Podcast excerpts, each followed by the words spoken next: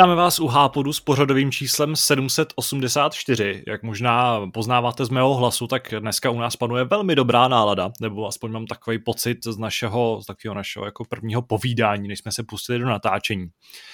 Já jsem Tadeáš, ahoj, společně se mnou si dneska bude povídat taky Kuba Štěpánek. Zdarec.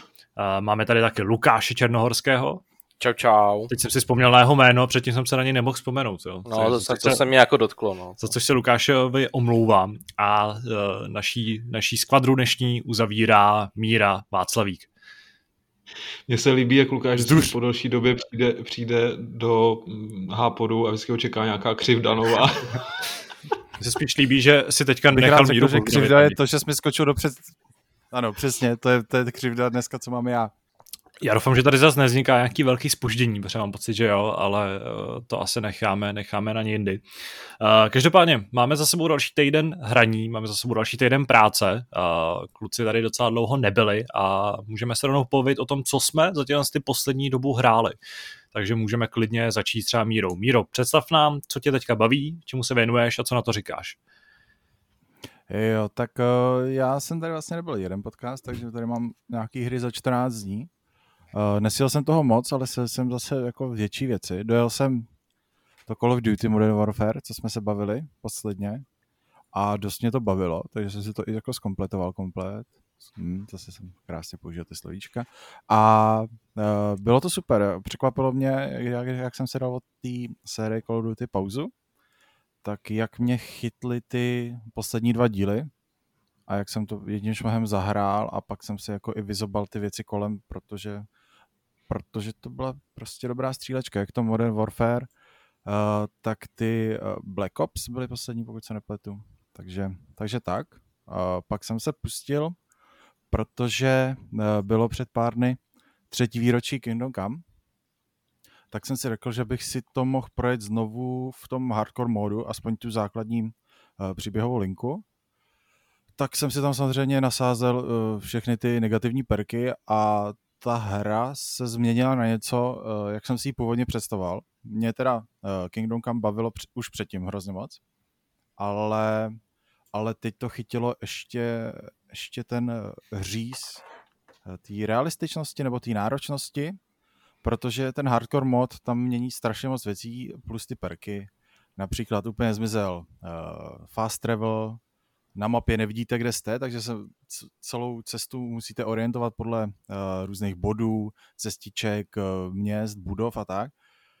Uh, člověk, uh, člověk se do toho hrozně vžije, mnohem víc se do toho dostane. Já jsem si třeba uvědomil, když jsem to předtím hrál s tím fast travelem a tím, že vidíte, jakým směrem je který bod, když vidíte, kde se přesně nacházíte, tak vlastně jsem znal podstatě jenom ty klíčové body nebo klíčové místa, oblasti, eh, třeba ty města, vesnice a tak.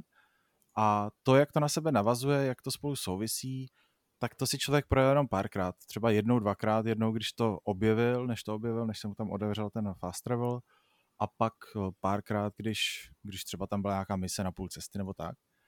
Ale teď si to člověk celý propojil, zjistil, uh, jak, ty věci, jak ty věci spolu souvisí, jak je to, jak, je to prostě tím, že je to v nějakém měřítku a v nějaký zúštěný podobě uh, předělaný, předělaný reálný území, takže všechny ty cesty a křižovatky a různé ty orientační body, že, že jednoduše fungují. Že člověk, když se to naučí, chvíli tam jede, párkrát tam a zpátky, tak prostě pozná, kde je. Jo, samozřejmě v těch negativních percích například, kterých tam je asi 8 nebo 10, něco takového, jsou takové záludnosti, jako například, že když spíte, tak se jednou za čas eh, objevíte úplně na jiném místě, protože jste eh, náměsíčný.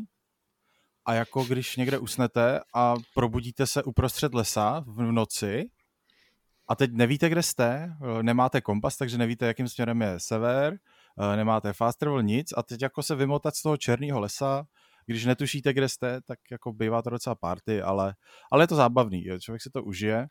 Eh, Mě tohleto objevování třeba připomínalo eh, z reálného života, když jsem, eh, já když jsem byl mladší, tak jsem že po Praze jezdil zejména metrem a vlastně jsem znal jednotlivé stanice a ty okolí těch stanic, třeba pár kiláků kolem, vždycky jeden, dva, tři kiláčky, Vy jste vylezli někde z metra, šli jste někam, tam jste věděli ty ulice kolem, ale než jsem začal jezdit autem, tak jsem vlastně neznal ty, jak bych to řekl, uh, neznal jsem ty souvislosti. Úseky jednotlivý, přesně jak to na sebe navazuje, že tahle ta část je vedle týhle. Jasně, vy víte, že prostě tyhle stanice jsou vedle sebe, ale člověk o tom nepřemýšlí a až ve chvíli, kdy to projíždí jakoby spojeně, tak si říká, aha, jasně, tak tohle je tady, tohle to navazuje na tohle, jo, jasně, to znám z druhé strany, protože jsem sem třeba nedošel ani a tak.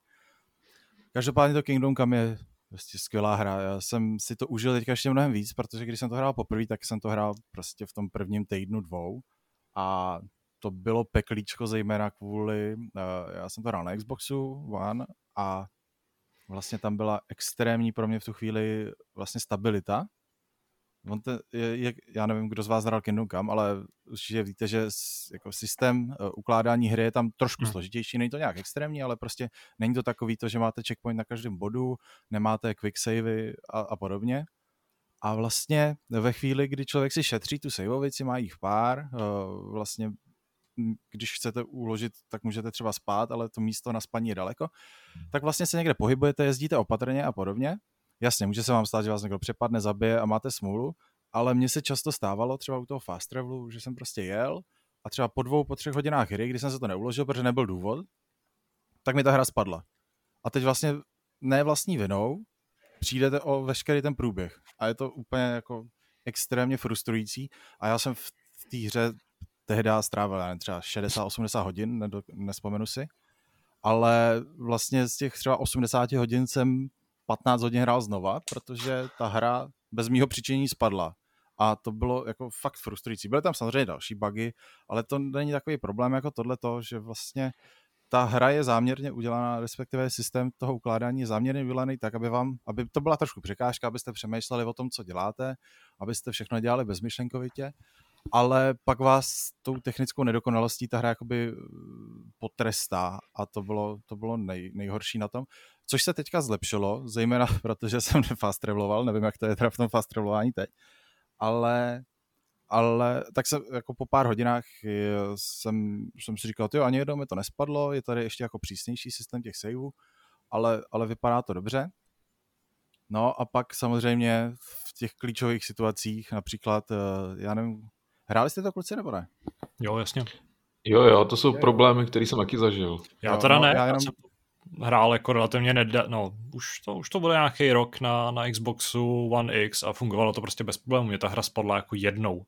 Já jsem měl hmm. problém jako s jinýma problém, nebo s jinýma technickýma nedostatkama a spíš s tím, že se v týře jako něco porouchalo, ale ne, že by mi spadlo.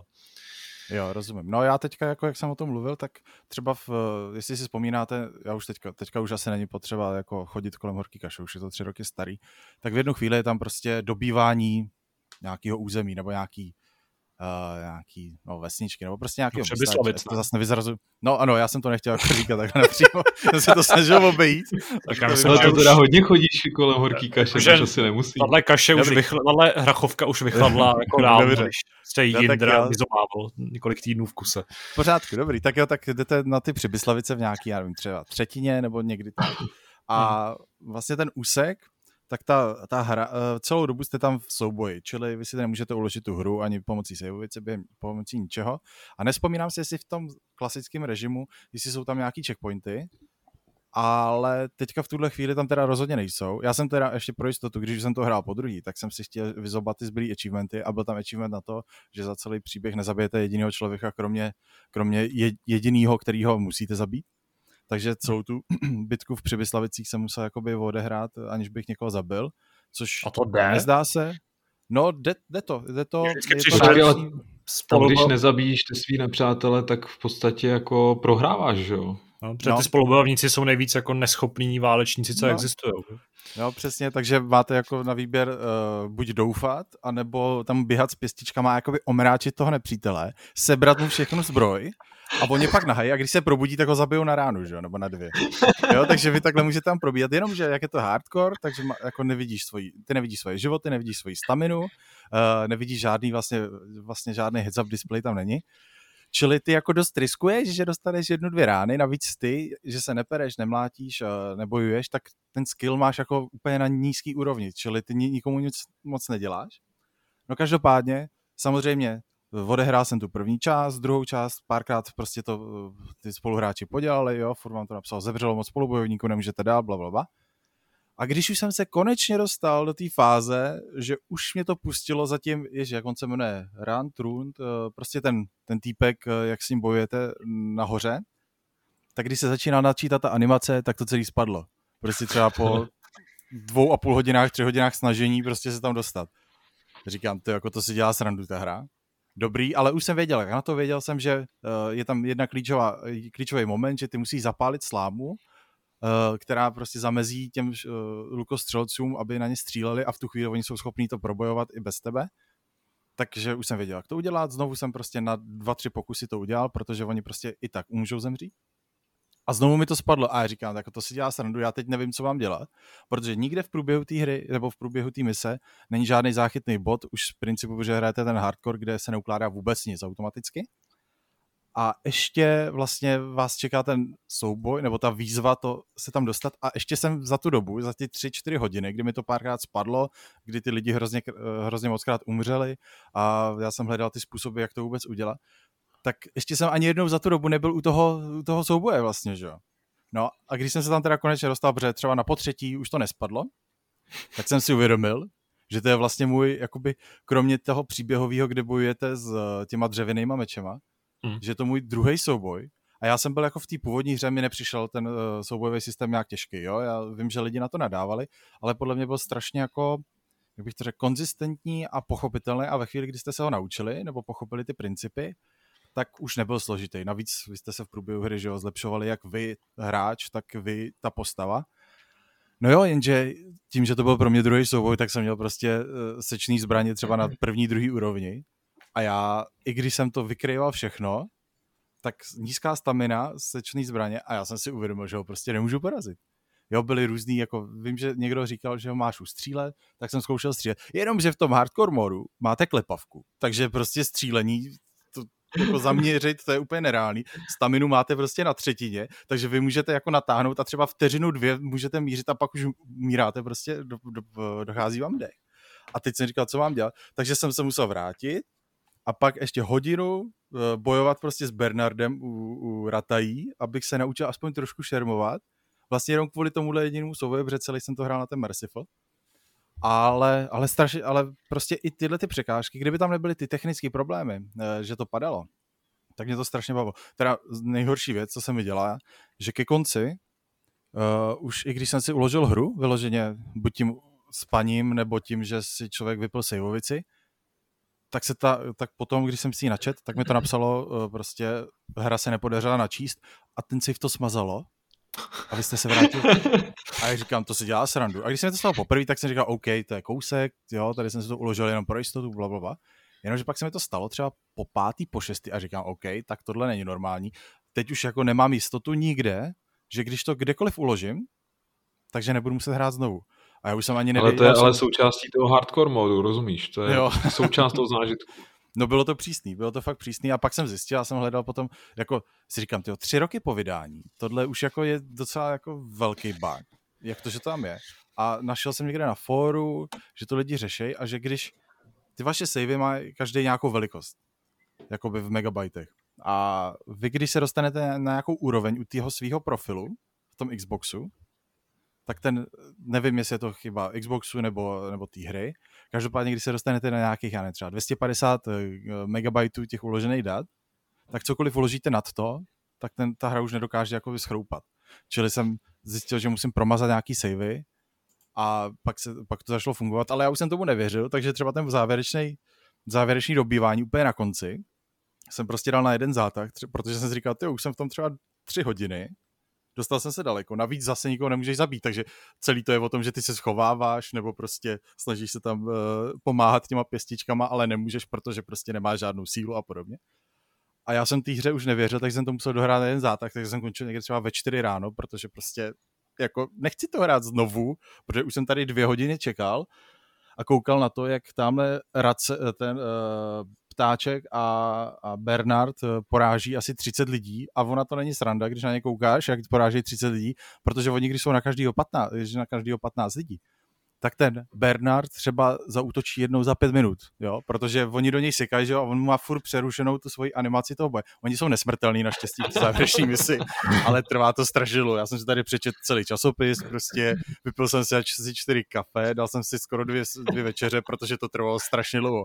A teď to dohrajete, teď to do, dojde do toho cíle. Říkáte, jo, ty vole, to jsem se jako dokázal tady vytrpět, protože jinak to nejde. Já jsem koukal na, třeba jsem se díval na návody, jak to víte co, za dvě hodiny toho stihnete hodně, to už jsem se díval, jako jestli někdo nemá trik, jak jim pomoct nebo ne, ne, tam jenom píšou, ale hlavně se do toho moc neserte, protože akorát chcípnete a jdete od nuly, že? Takže, takže já jsem tam prostě přebíhal, koukal jsem, kolik zbývá auto a když jsem nakonec teda dokázal to, to učekat, tak jsem říkal, no jo, ale teď to prostě nemůžu uložit, protože kdybych to uložil a nenačetlo se mi to, tak letí televize, Xbox, prostě všechno. Možná i za panem Vávrou bych se stával. Každopádně, to své vyprávění bych zakončil tím, že je to skvělá hra.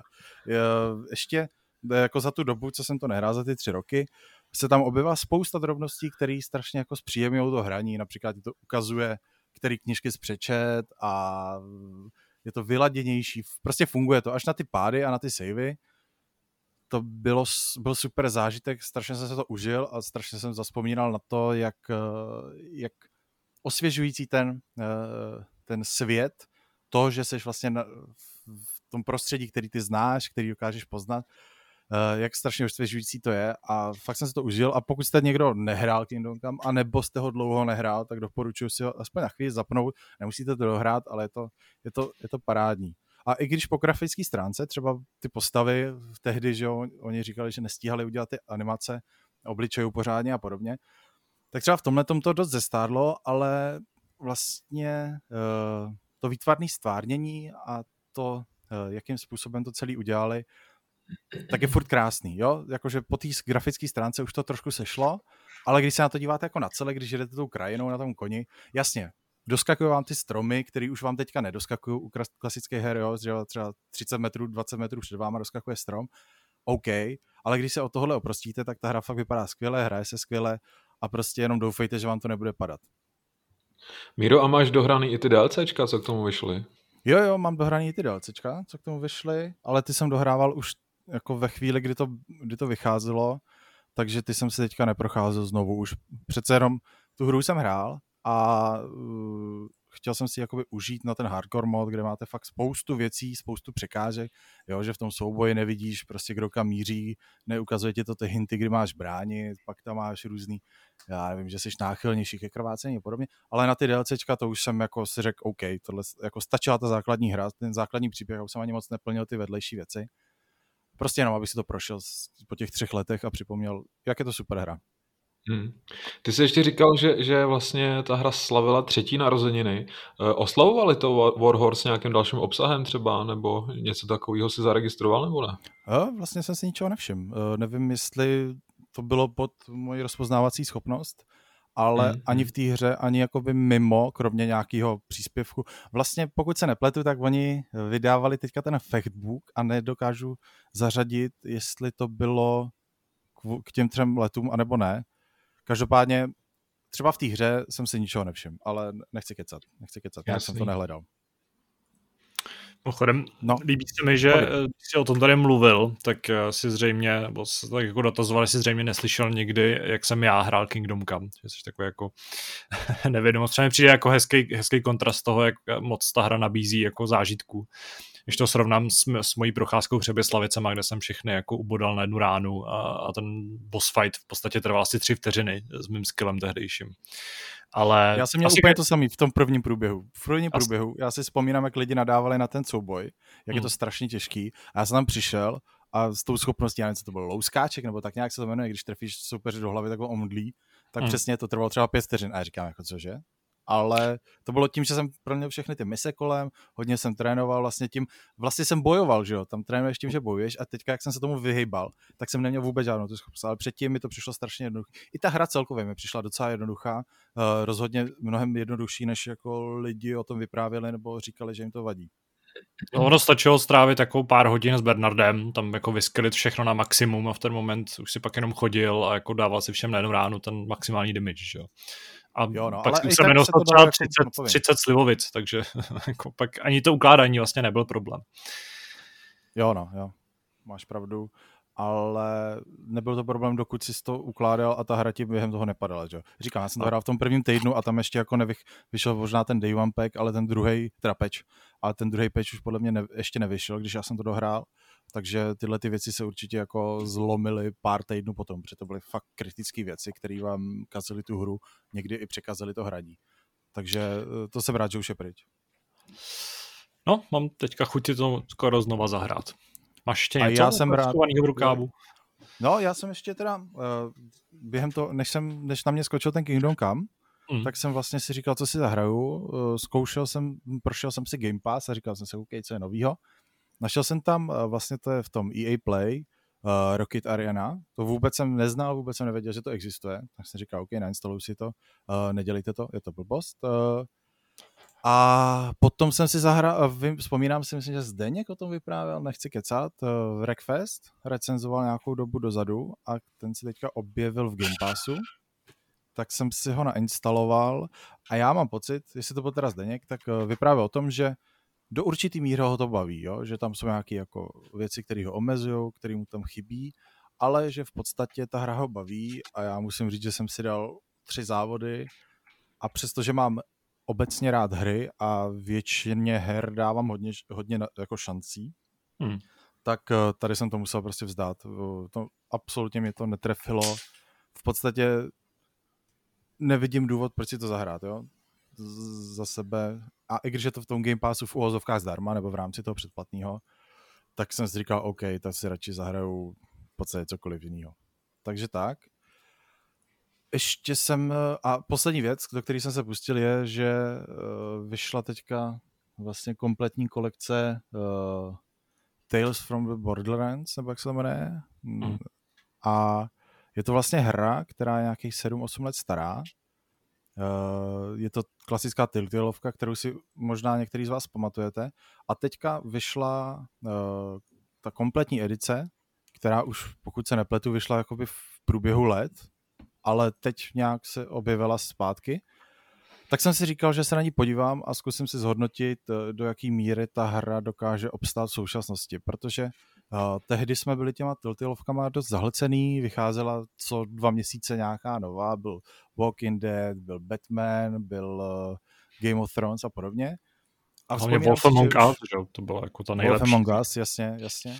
Ale vím, že lidi už tím byli dost zahlcený a přestávalo je to bavit a i když, a ty Borderlands, pokud se nepletu, vycházely jakoby už později, jakoby v té další fázi těch Telltale- Telltaleovek, kdy už lidi právě k tomu měli docela odpor a byla ta hra docela nedoceněná, mám pocit. Takže jsem si říkal, OK, podívám se na to. Já si vzpomínám, že jsem to hrál pár let dozadu a docela mě to bavilo a říkal jsem si, proč se to lidem nelíbilo. A než jsem si uvědomil ten kontext a teď jsem si říkal, OK, když to teda vyšlo v té kom- kompletní edici znovu, úplně ta samá hra, jedna ku jedný, zkusím se na to podívat, jestli člověk, který do toho naskočí teď, třeba to nikdy nehrál a chce to zkusit, nebo během toho si odehrál nějaký Borderlands a baví ho ten svět a chce se na to podívat, jestli vůbec má smysl do toho naskakovat, protože některé hry eh, nestárnou jenom po grafické stránce, ale i po té hratelnostní a já nedokážu spos, jakoby posoudit uh, svoji vzpomínku 5-6 let dozadu, jestli teď ta hra dokáže obstát. Takže do toho jsem se pustil, zatím jsem se dal první, prvních pár uh, vlastně epizod a musím říct, že nejlepší ten začátek, když tam Jungle začne, uh, začne hrát ten Jungle, uh, ježiš, jak to je? Uh, Busy Earning, jo, ta písnička. A Mhm. to je jako pecka. To člověk si úplně zaspomíná a zároveň chytí ten eh, pokyvování hlavičkou a říká, jo, to je dobrý. Tak uvidím, eh, o tom se rozpovídám asi až příště, až, až to vlastně celý odehraju, protože ono to není moc dlouhý. A to je za mě všechno. Takový prostě krátký shrnutí za 14 dní. No. To, je, to bylo hezky krátký, já ho to budu mít skutečně krátký, já se rovnou chopím slova, protože já tady občas mluvím o tom, že nějak jako úplně nemám čas na hraní, nebo že prostě nehraju tolik, jak by asi se jako slušelo a patřilo. A tentokrát to není úplně pravda. A mám tady jeden titul, který mu věnuju hodně času, ale tentokrát je problém to, že o něm ještě nesmím mluvit, protože mě váže embargo, takže si o něm budeme moc popovídat až v příštím hápodu. A proto můžu rovnou předat slovo dál. Třeba, třeba Lukášovi. OK, no já jsem tady taky delší dobu nebyl, ale moje povídání asi bude podstatně krátký, protože ku podivu u mě se to teda vůbec neříká, jo, že nemám čas na hry a že nehraju, ale teď je to tak trošku jako docela pravda, že moc těch eh, her nehraju. Ale jenom, musím... jenom půl, te, půlku svého jako životního času věnuješ Vovku, že jo? ale to prostě už není hra, to už je ten druhý život. No, tak jako víc, co, víc než půlku, ale tak jako potom jako se jako bavit nemá jako smysl, že jo. Ale to už jako beru, ano, přesně jako součást svého životního uh, cyklu, takže jako... Uh, ale já právě bych chtěl mluvit jako o těch hrách, kterých si právě jako zapnu mimo úplně ten svůj rámec, strašně si je užívám, proto jsem si tady dokonce udělali seznam s předsevzetím, že ty, tyhle ty hry chci letos eh, všechny odehrát. Je docela dlouhý, takže jsem hned čáhnul do těch nejkratších možných. A měl jsem tam rest, já jsem si koupil tuším, že to byl loni, loni, jo, určitě loni, eh, antologii eh, Dark Pictures a tam byl první díl Man of Medan i druhý díl Little Hope. A já jsem to vlastně sfouknul vlastně v jeden večer, v oba dva díly. Šel jsem spát asi ve tři hodiny nebo nějak tak. Ku podivu ani, ta, ani jedna z těch dvou her není jako moc dlouhá. Jedna mi zabrala čtyři hodiny a ta druhá čtyři a půl a upozorňuji, že jsem jako o těch hrách vůbec nic nevěděl, jenom jsem jako si načetl nějaký úryvky z recenzí a jelikož mě Until Dawn strašně bavilo tehdy, tak jsem se na tyhle ty dvě hry jako strašně moc těšil ale právě mi bylo úplně jasný, že jakmile vyjde jeden, jeden díl Man of Madden, tak já to právě odehraju za 4 hodiny a pak jako budu smutně koukat a čekat na další díl. Takže jsem si rovnou počkal na ten druhý a pak jsem to právě svouknul jako oba díly zároveň. A musím říct, že oba mě hodně bavili. I když eh, ten první, Man of Medan, mě už když jsem to zapnul, když začal ten prolog, tak jsem trošku byl překvapený a udivený, že to není úplně technicky jako v pohodě. A to už je tak ty dva roky od vydání. Protože na té PS4 Pro, krom toho, že mi málem odletěla spokoje a nechápu proč, protože graficky je to jako pěkný, ale není to žádný strop, tak textury neustále doskakovaly jako po celou hru. A v jeden moment se mi, se mi dokonce stalo to, že jako byl nesynchronní zvuk s těma jako postavama, jo. Což trvalo asi jako pět sekund, pak se to spravilo a vůbec nechápu, eh, co to mělo být.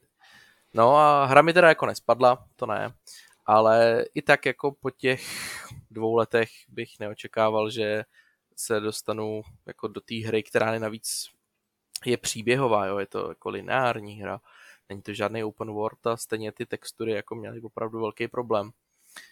Tak to bych možná trošku vytknul a taky možná, že ten příběh, ať už je takový jako hororový, tak eh, to docela hodně vykrádá loď duchů, tu filmovou a všichni víme, jaká, jaký, jaký to byl špatný film, že jo. Ale fakt jsem si tu hru užil, strašně se mi líbí ty, ty možnosti a škoda, že tu s náma není David, protože vím, že on to recenzoval a že ho to taky bavilo a že to dokonce snad hrál jako s tou možností online.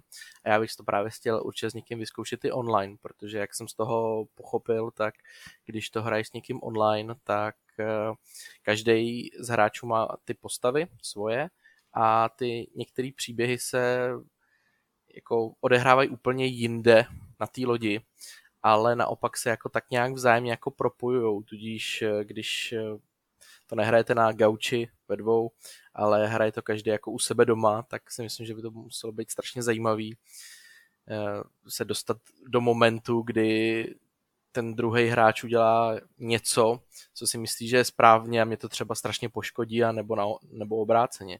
Že on mi chce strašně moc pomoct a díky tomu mě zabije. A byl jsem mi překvapený, že ačkoliv jsem měl trošku štěstí, tak mi při prvním průchodu neumřela ani jedna postava. Měl jsem z toho fakt radost. No a když jsem si zapnul tu, ten druhý díl, ten Little, Little Hope, tak to musím říct, že je oparník jako dál. ať už o technickém stavě, nebo jako tom, po té po příběhové stránce, tak je to strašně super. Musím všema jako všema svýma prstama doporučit, protože technicky je to moc pěkný. Nic nedoskakovalo. Fungovalo to jak, jak, jak na drátkách. A i ten příběh ve finále není takový úplně jako klišoidní, vyvražďovací z 80 90 let. I když se mi to jako strašně líbí tyhle ty uh, filmy a proto jsem se tak zamiloval ten Until Dawn, že jo? protože to je takový klasická vyvražďovačka s teenagerama a v tom vidím ty 90 léta Hollywoodu.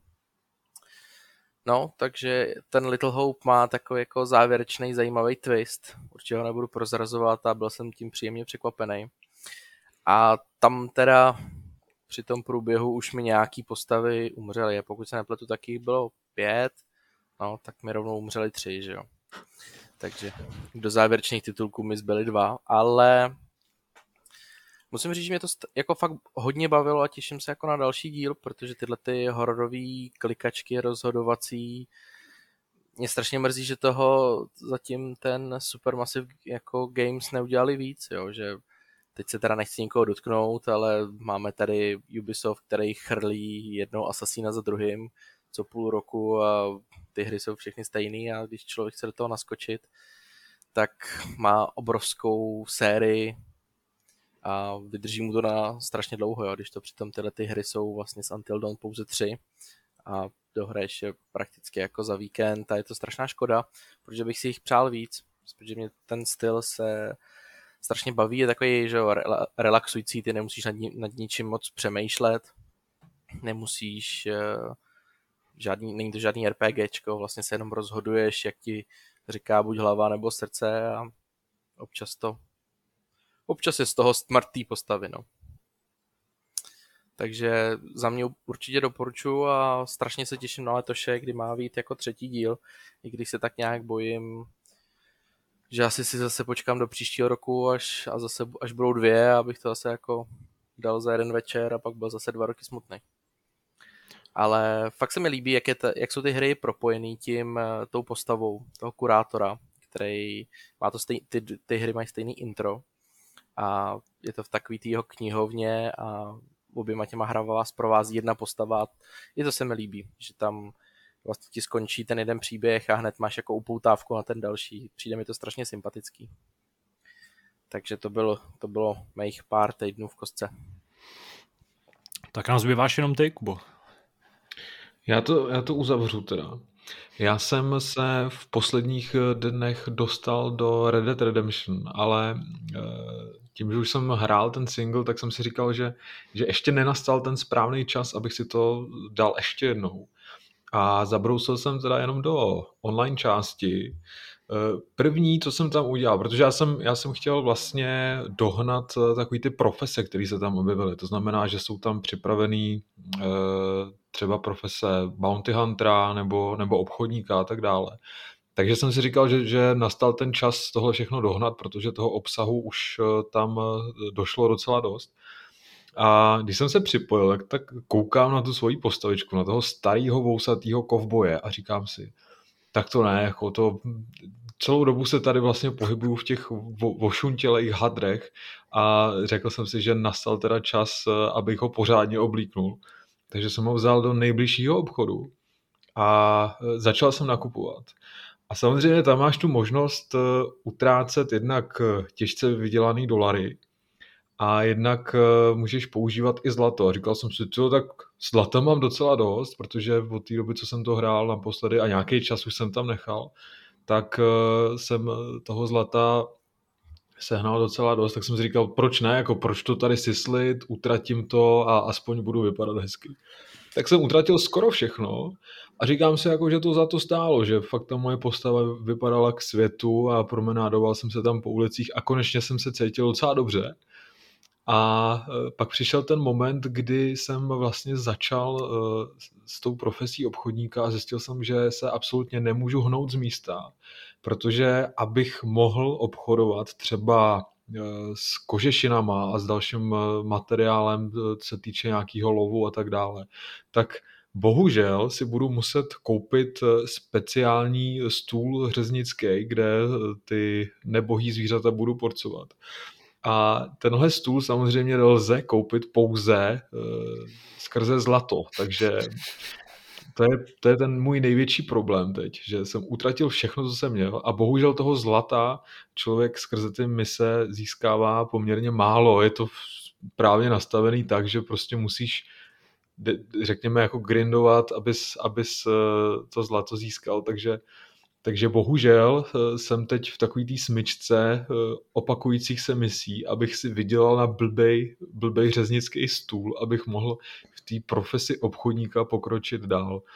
A ta profese obchodníka mě zajímá už jenom kvůli tomu, že nad stavbou je tam, je tam možnost zařídit si eh, varnu, jakože pálíš vlastní alkohol, vlastní kořalku, takže, takže to by mě zajímalo vlastně, jak tohle celý funguje a bohužel teda asi mě čeká ještě velmi dlouhá cesta, než se, než se tam dopracuju.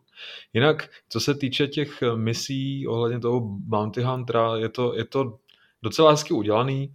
Jednak když získáš tu licenci, za kterou opět teda musíš zaplatit, než, než se vrhneš po krku nějakým banditům, tak můžeš brát nějaký zakázky, ale jsou to většinou nějaký takový jednoduchý, jednoduchý banditi, který ti moc nezatopí, to znamená, že není moc těžký je eh, přivést zpátky, eh, ale potom tam máš právě ty, ty pokročilejší mise, kdy už třeba je to spojený s nějakým twistem, to znamená, že přijdeš někam, eh, jdeš, jdeš po člověku, který se ztratil v bažinách třeba okolo Saint Denis a přijdeš a ten člověk ten člověk, takový lesní muž na tebe vyleze a říkáš si, tak to přece nemůže být těžký, ne? No a on zatopí pod, pod kotlem, najednou se okolo objeví takový mlhavý opár a v podstatě tě zdroguje a pak na tebe nabíhá z různých stran, takže je vlastně těžký ho spacifikovat a, a přivést ho zpátky ke spravedlnosti. Takže takže je to takový, takový rozmanitý, ty jednotlivý úkoly a docela mě, docela mě to baví. A je to opět takový, že nad tím nemusíš moc přemýšlet, protože ten děj vlastně není vůbec složitý, ty mise na sebe vlastně ani nenavazujou a je to spíš takový takový bonus. No. A jak jsme se pouštěli, taky pokračovali jsme s kamarádem v tom příběhu, který, který se taky dá skrz ty online mise, podobně jako třeba v hejstech v GTAčku, Eh, taky docela dobře užít, takže, takže tam taky pokračuju a snažím se naškudlit to zlato, no, tak doufám, doufám že ho budu mít brzo. Ještě můžeš vytáhnout peněženku a koupit si ho, ne? Ano, to je další věc a to je další věc, kde to mají dobře udělaný, že vždycky ti připomenou tu možnost, že si můžeš za reální peníze uh, zlato koupit. Ale tam samozřejmě to postrádá smysl, že jo? tak člověk si na to chce našetřit a vybudovat si to od píky a ne, že, ne, že zaplatíš někde kreditkou. No. Takže, takže uh, si na to chci vydělat hezky, hez, hezky poctivě. No a ode mě, ode mě všechno. Hm? V tom případě se můžeme vydat do světa, který je nejbližší Lukášovi a o něčem zajímavém si popovídat v našem prvním tématu.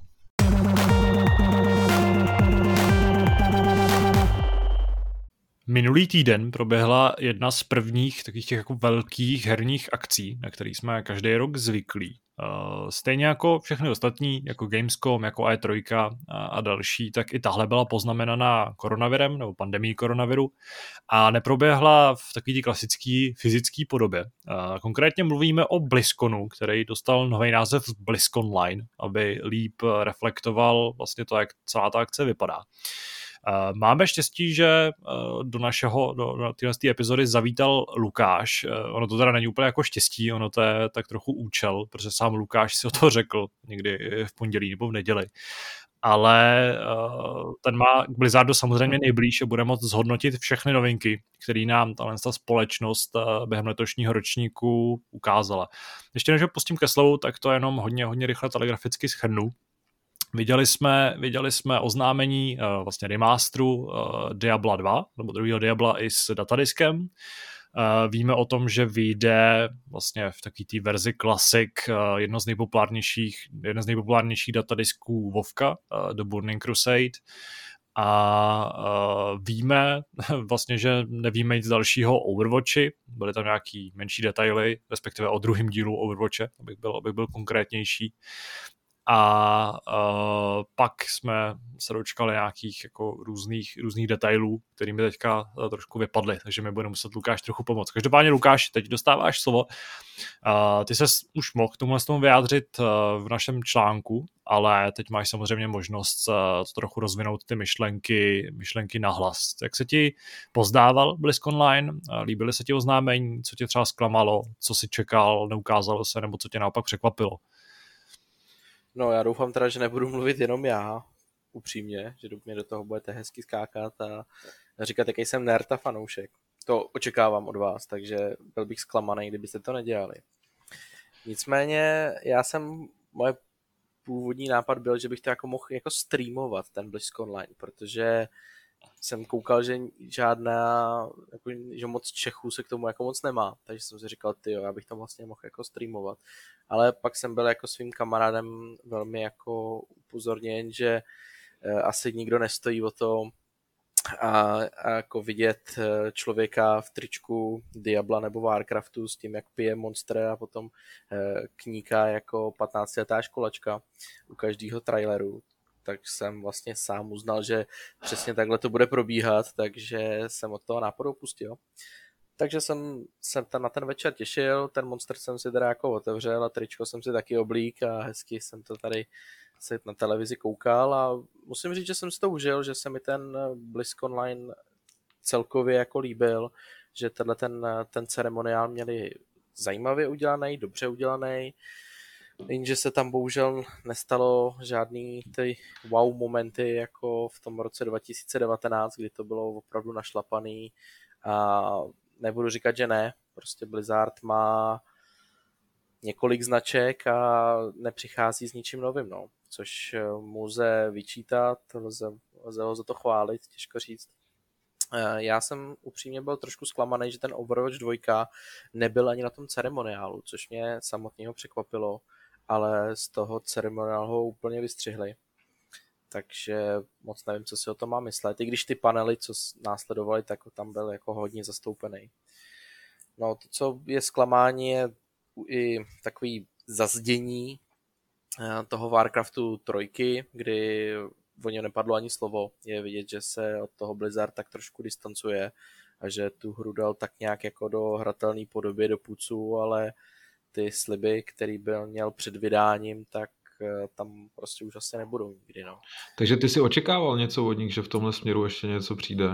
Já jsem si to přál, aby tam byla aspoň, víš, aspoň ta půlhodinová jako reakce, jako ano, jako spoustu z toho jsme řekli a budeme se to snažit dávat do pucu což se nestalo a taky, bych, taky jsem si tak trošku přál to, to nejhlavnější a to, aby aspoň měli zahalovovaný uh, ty savey, no, protože já už jenom očekávám, kdy se mi ty savey zase smažou a zase bych to celou, celou tu kampaň na Vánoce jel od začátku, což se mi nechce.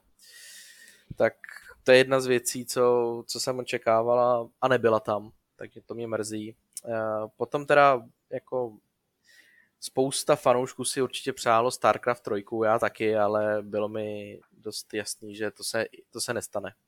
Jo, takže StarCraft 3 tam nebyl a myslím si, že ještě pár let nebude.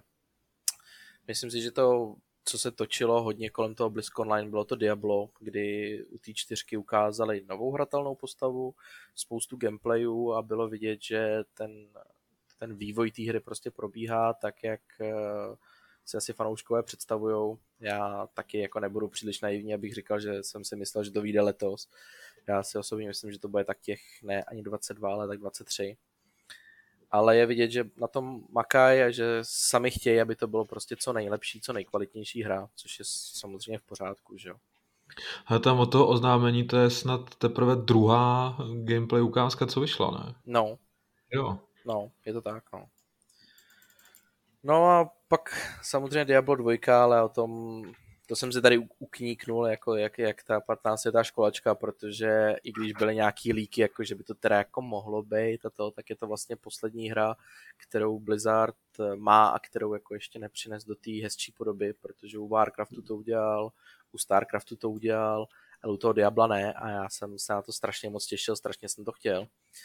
A ono to přišlo, takže já jsem z toho nadšený. I když, eh, i když jsem o tom debatoval už s kamarádem, tak je pravda, že ta hra by potřebovala jako mnohem větší péči, než jenom jako tu novou grafiku a pomocí mezerníků se vrátit do doby před 20 lety. Je pravda, že ten ku příkladu level design by prostě u dnešních hráčů nebo v dnešní době vůbec neuspěl. Jo. Ale i tak jsem z toho nadšený, protože si myslím, že to je jedna z nejlepších her, co, co vůbec kdy vyšla. To, to Diablo 2, dvojka hodně definovala svůj žánr. A myslím si, že spousta z nás na ní má vzpomínky a když už ne, že ji celou dohráli, xkrát dohráli, ale že prostě jí mají v podvědomí, že to prostě byl ten hodně velký klenot tehdejší doby. No. Takže to jsem určitě rád, že tam bylo, že to bude. Ten Overwatch 2 mě mrzí, eh, ale líbilo se mi, jak eh, David eh, to hodně napsal v tom článku našem a naprosto s tím souhlasím. Takže jako přidali tam, ukázali dvě mapy, nějakou novou postavu a taky, že na tom makají, že jsou nadšený a že chtějí, aby to bylo lepší, vyvážený, ale upřímně jsem si myslel, že to už by letos teda jako mohlo víc, vzhledem k tomu, že tam jenom přidávají jakoby ten příběhový režim a ale zase jako já oceňuju, že se to snaží jako vyladit co, nej, co, co nejvíc, no. Ale tady já tomu absolutně nerozumím. Vlastně tomu rozhodnutí, že, že dvojka bude, co se týče toho onlineu, úplně stejná jako jednička. Respektive ta jednička převezme prvky z té dvojky, až vyjde, jestli jsem to správně pochopil. Jo, jo, je to tak a je to, je to strašně zvláštní krok. Na jednu stranu si toho cením, že je to takový jako obří DLCčko za velký peníze, a vlastně a toho opravdu... si ceníš, jo? Že to jako... No ne, počkej, nenechal jsi mě to říct.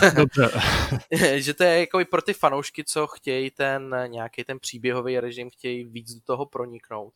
Ale já si cením toho, že to nijak neomezí ty, ty hráče ty jedničky a taky, že se ten progres ti celý přinese do té dvojky. Eh, to je prostě super věc, protože já sám tam mám nahraných hodně, hodně, hodně hodin a jako to je to třeba nerozumím u té FIFA, jo, že prostě ty tam máš nějaký progres, to by možná mohl říct Míra, který je nadšený fanoušek do FIFA, že tam máš nějaký progres, ale jakmile ti vyjde další FIFA, tak on se tam nepřenáší, ne, ten, hmm. ten progres nějak, je to tak? No, no nepřenáší se tam uh, ten progres, protože v tu chvíli by... Uh, vlastně tam je problém v tom, že ty, když hraješ nějaký ten ročník ty FIFA, tak pokud to hraješ víc, tak v průběhu roku, ať už do toho dáváš nebo nedáváš peníze, si v podstatě vybuduješ tým snu. A ve chvíli, kdyby si ti ten progres přenášel, tak za prvý bys neměl žádný nutkání jakoby uh, platit, že jo, to je jako z pohledu toho EA, uh, eh, že bys neměl důvod platit si nové kartičky, ale hlavně pro mě třeba jako pro hráče by tam úplně zmizel i ten, i ten prvek toho, že se to buduješ. Mě strašně baví začínat ten tým, uh, od začátku si ho budovat, vlastně v tu chvíli dokážeš eh, třeba ty první týdny, seš eh, konkurenceschopný v podstatě s kýmkoliv, eh, jasně, když do toho někdo dost naháže i v prvních dnech, tak, tak má taky super týmy už od prvního dne, ale většina, ta naprostá většina té herní základny má ještě nedokonalý týmy, ve smyslu jakože na nějakých pozicích jsou horší, lepší a mě baví vlastně rozmýšlet, já, jak jsem několikrát říkal, já jsem hráč, který do toho nedal ani korunu, ale vždycky se těma svýma, já nevím, eh, na trhu, eh, nějakýma rozhodnutíma nebo tím, eh, jak plníš nebo neplníš ty věci, tak vždycky si vybuduješ dost peněz nebo získáš dost peněz na to, aby si mohl nějakým způsobem ten tým zlepšovat. A právě to, že nemáš ty nejlepší od začátku, tak tam je strašně zábavný říkat si, hele, co potřebuju, co nepotřebuju, co bude fungovat na ty lidi, co nebude fungovat. Opravdu potřebuju tuhle super hvězdu, nebo si koupím radši tři lepší hráče, který mi reálně vylepší ten tým a nebudu mít jenom super střelce nebo podobně. A kdyby tohle se přenášel, ten, ten, ten progres, který jsem měl v minulých letech, tak já už bych v podstatě neměl ani jo, nutkání. by ten smysl toho postupu. Přesně, přesně, jo. který je naprosto klíčový. Já ve chvíli, kdy už mám jako dobrý tým v té FIFA, tak v podstatě to hraju pár dní a pak už končím. Já ve chvíli, kdy už si říkám, OK, teď už je to jenom o tom získat jako uh, hráče sezóny a vylepšený hráče týdne a podobně, ale už mám tým, který je v podstatě na té úrovni, kde, kde je ten strop, tak já už to pak nevydržím hrát, protože už mě to nebaví, uh, už tam není to budování, přesně, a to by zmizelo a to by mi strašně chybělo. Jasně, když to řekneš takhle, tak to určitě dává smysl, s tím souhlasím, tak díky, že vlastně jsi mi to takhle úplně osvětlil, jako takhle to dává úplně jiný světlo na to. Já k tomu chtěl ještě dodat vlastně jeden prvek a to je jako prostý fakt toho, že by v ten moment noví hráči, který by do toho režimu vstoupili s nějakým šanc, ročníkem. Šanci se chytit, jo. No, tak by se hrozně špatně chytali, respektive ta hra by byla přehlcená od uh, začátku každého ročníku vlastně obřím množstvím hrozně podobných týmů, protože by všichni měli vybudovaný nějaký jako ultimátní eh, kombinace hráčů protože i když se podíváš, nebo bývalo to tak dřív, nevím, jestli to tak je úplně dneska, tak i ty profíci v zásadě ty jejich týmy nejsou nějak strašně rozmanitý, protože tam prostě existují ty jako ultimátní kombinace nejlepších hráčů a v ten moment by ten režim byl prostě hrozně jako málo rozmanitý. Jo, no jako takhle to, takhle to dává smysl, takže to byl možná velmi blbý příklad. Vlastně Overwatchi když nemá žádný tým, žádný statistiky, tam jde vlastně jen čistě o ty skiny a o to, že když se ti někdo podívá na profil, tak tam uvidí, kolik hodin si v tom utopil. Takže to je asi o něčem jiným, no. jo, a vlastně si tam i přenášíš, jestli tě do toho můžu skočit, si přenášíš no, i to umístění v těch různých ligách a podobně. Jo, že eh, třeba v té FIFA vlastně si nemyslím si, že si přenášíš to umístění v ligách, ale rozhodně dostáváš nějaký bonusy za to, že jsi to hrál čili nějaký způsob toho drobného propojení tam je a v tom Overwatchi si budeš moct i přinášet ty ligy, pokud se nepletu a všechno tohle, takže, takže vlastně tady není překážka, proč by to nemohli udělat, protože jasně, kdyby chtěli, tak nepřenesou nic a ty si ty skiny musíš nakoupit od nuly. Takže to je jako dobrý rozhodnutí, je vidět, že nechtějí těžit peníze za každou cenu, což je jako velice pozitivní ale zároveň tam nemají žádnou tu překážku, jako je třeba v té FIFA nebo v jakýmkoliv no, uh, podobným sportovním uh, simulátoru. Jo, takže to by to... mě vlastně zajímalo v téhle souvislosti, jaká je teda motivace a jestli je velká motivace eh, koupit si vlastně tu dvojku jenom kvůli té příběhové kampani, která se chystá. No, to je jako ta, ona je otázka, jakou tomu jako nastaví tu cenu. Jo, to bych řekl, že za prvý a za druhý já věřím tomu, že tam bude určitě nějaký ten jako grafický posun a určitě to bude jako hejbat a vypadat líp. A jako otázka, jak to nastaví, ale furt si myslím, že ta, ta základna těch fanoušků, kteří chtějí ten příběhový režim a chtějí se do toho ponořit víc, tak jich je jako větší procento než těch lidí, co to hrajou vlastně jenom jen tak pro zábavu. Já sám za sebe můžu říct, že s tou partou, co to hrajou, tak je to u nás tak 60 na 40, možná, možná 70 na 30, že lidi si to, že lidi do tu dvojku chtějí, spíš do ní půjdou a ty ostatní vlastně zůstanou v té jednice. S náma hrát furt můžou, takže já si myslím, že to je jako zajímavý rozhodnutí. nechci říkat jako, jestli dobrý nebo ne, ale určitě chválím za to, že ten progres ti vlastně zůstane.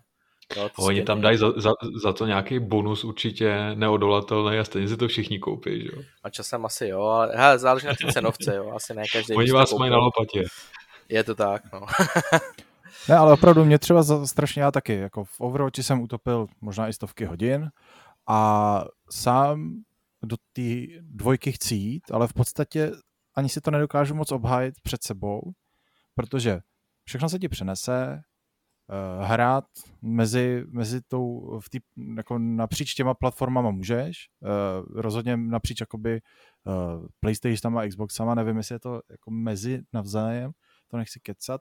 Každopádně... To ještě, to ještě nepotvrdili ten crossplay, no, ale já no. věřím, že tam bude, nebo doufám, v ale, že tam bude. Ale každopádně ty, pokud jsi na své platformě, hrál si na Xbox One a teďka máš Xbox Series X třeba, tak uh, nemáš vlastně, tak vlastně s těma stejnýma hráčema furt budeš moc hrát. Uh, vlastně v tom onlineu to vypadá, tak jak to oni to podávají, že opravdu kromě grafické úrovně nějaký nebude důvod přecházet na tu dvojku. A já si říkám, říkám, že to prostě není možný, že to není reálný. Já nedokážu si představit, že by to opravdu bylo tak, že to bude jedna ku jedný, kromě té grafické úrovně, že se to třeba bude rychleji načítat, já nevím, v menu a podobně.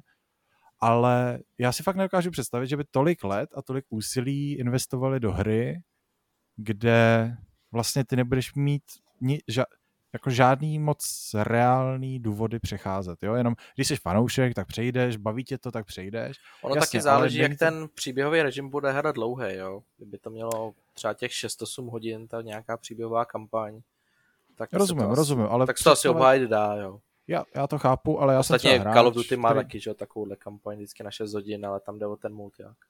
Jo, jo, jo, ale u hráče, který to bude mít jenom kvůli onlineu a nebude mít ten důvod, a vzhledem tomu, že teďka je to jenom onlineová hra, tak z té celé komunity, která to hraje, bude určitě velká část, ne, neříkám jako většina, nebo půlka, nebo třetina, to je jedno, ale velká část těch hráčů, nezanedbatelná část, která to hraje jenom kvůli onlineu a třeba i žádný offline režim vůbec nezajímá.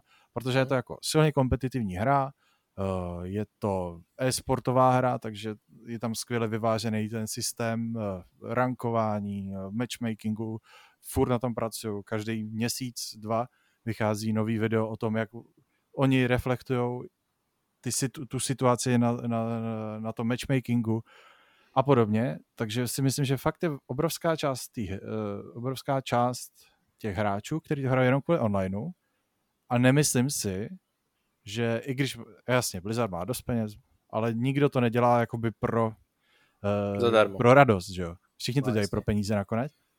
A nedokážu si představit, že by opravdu takhle velkou hru, takhle velkou značku neposunuli dál, respektive nedali ti důvody, proč bys měl přejít.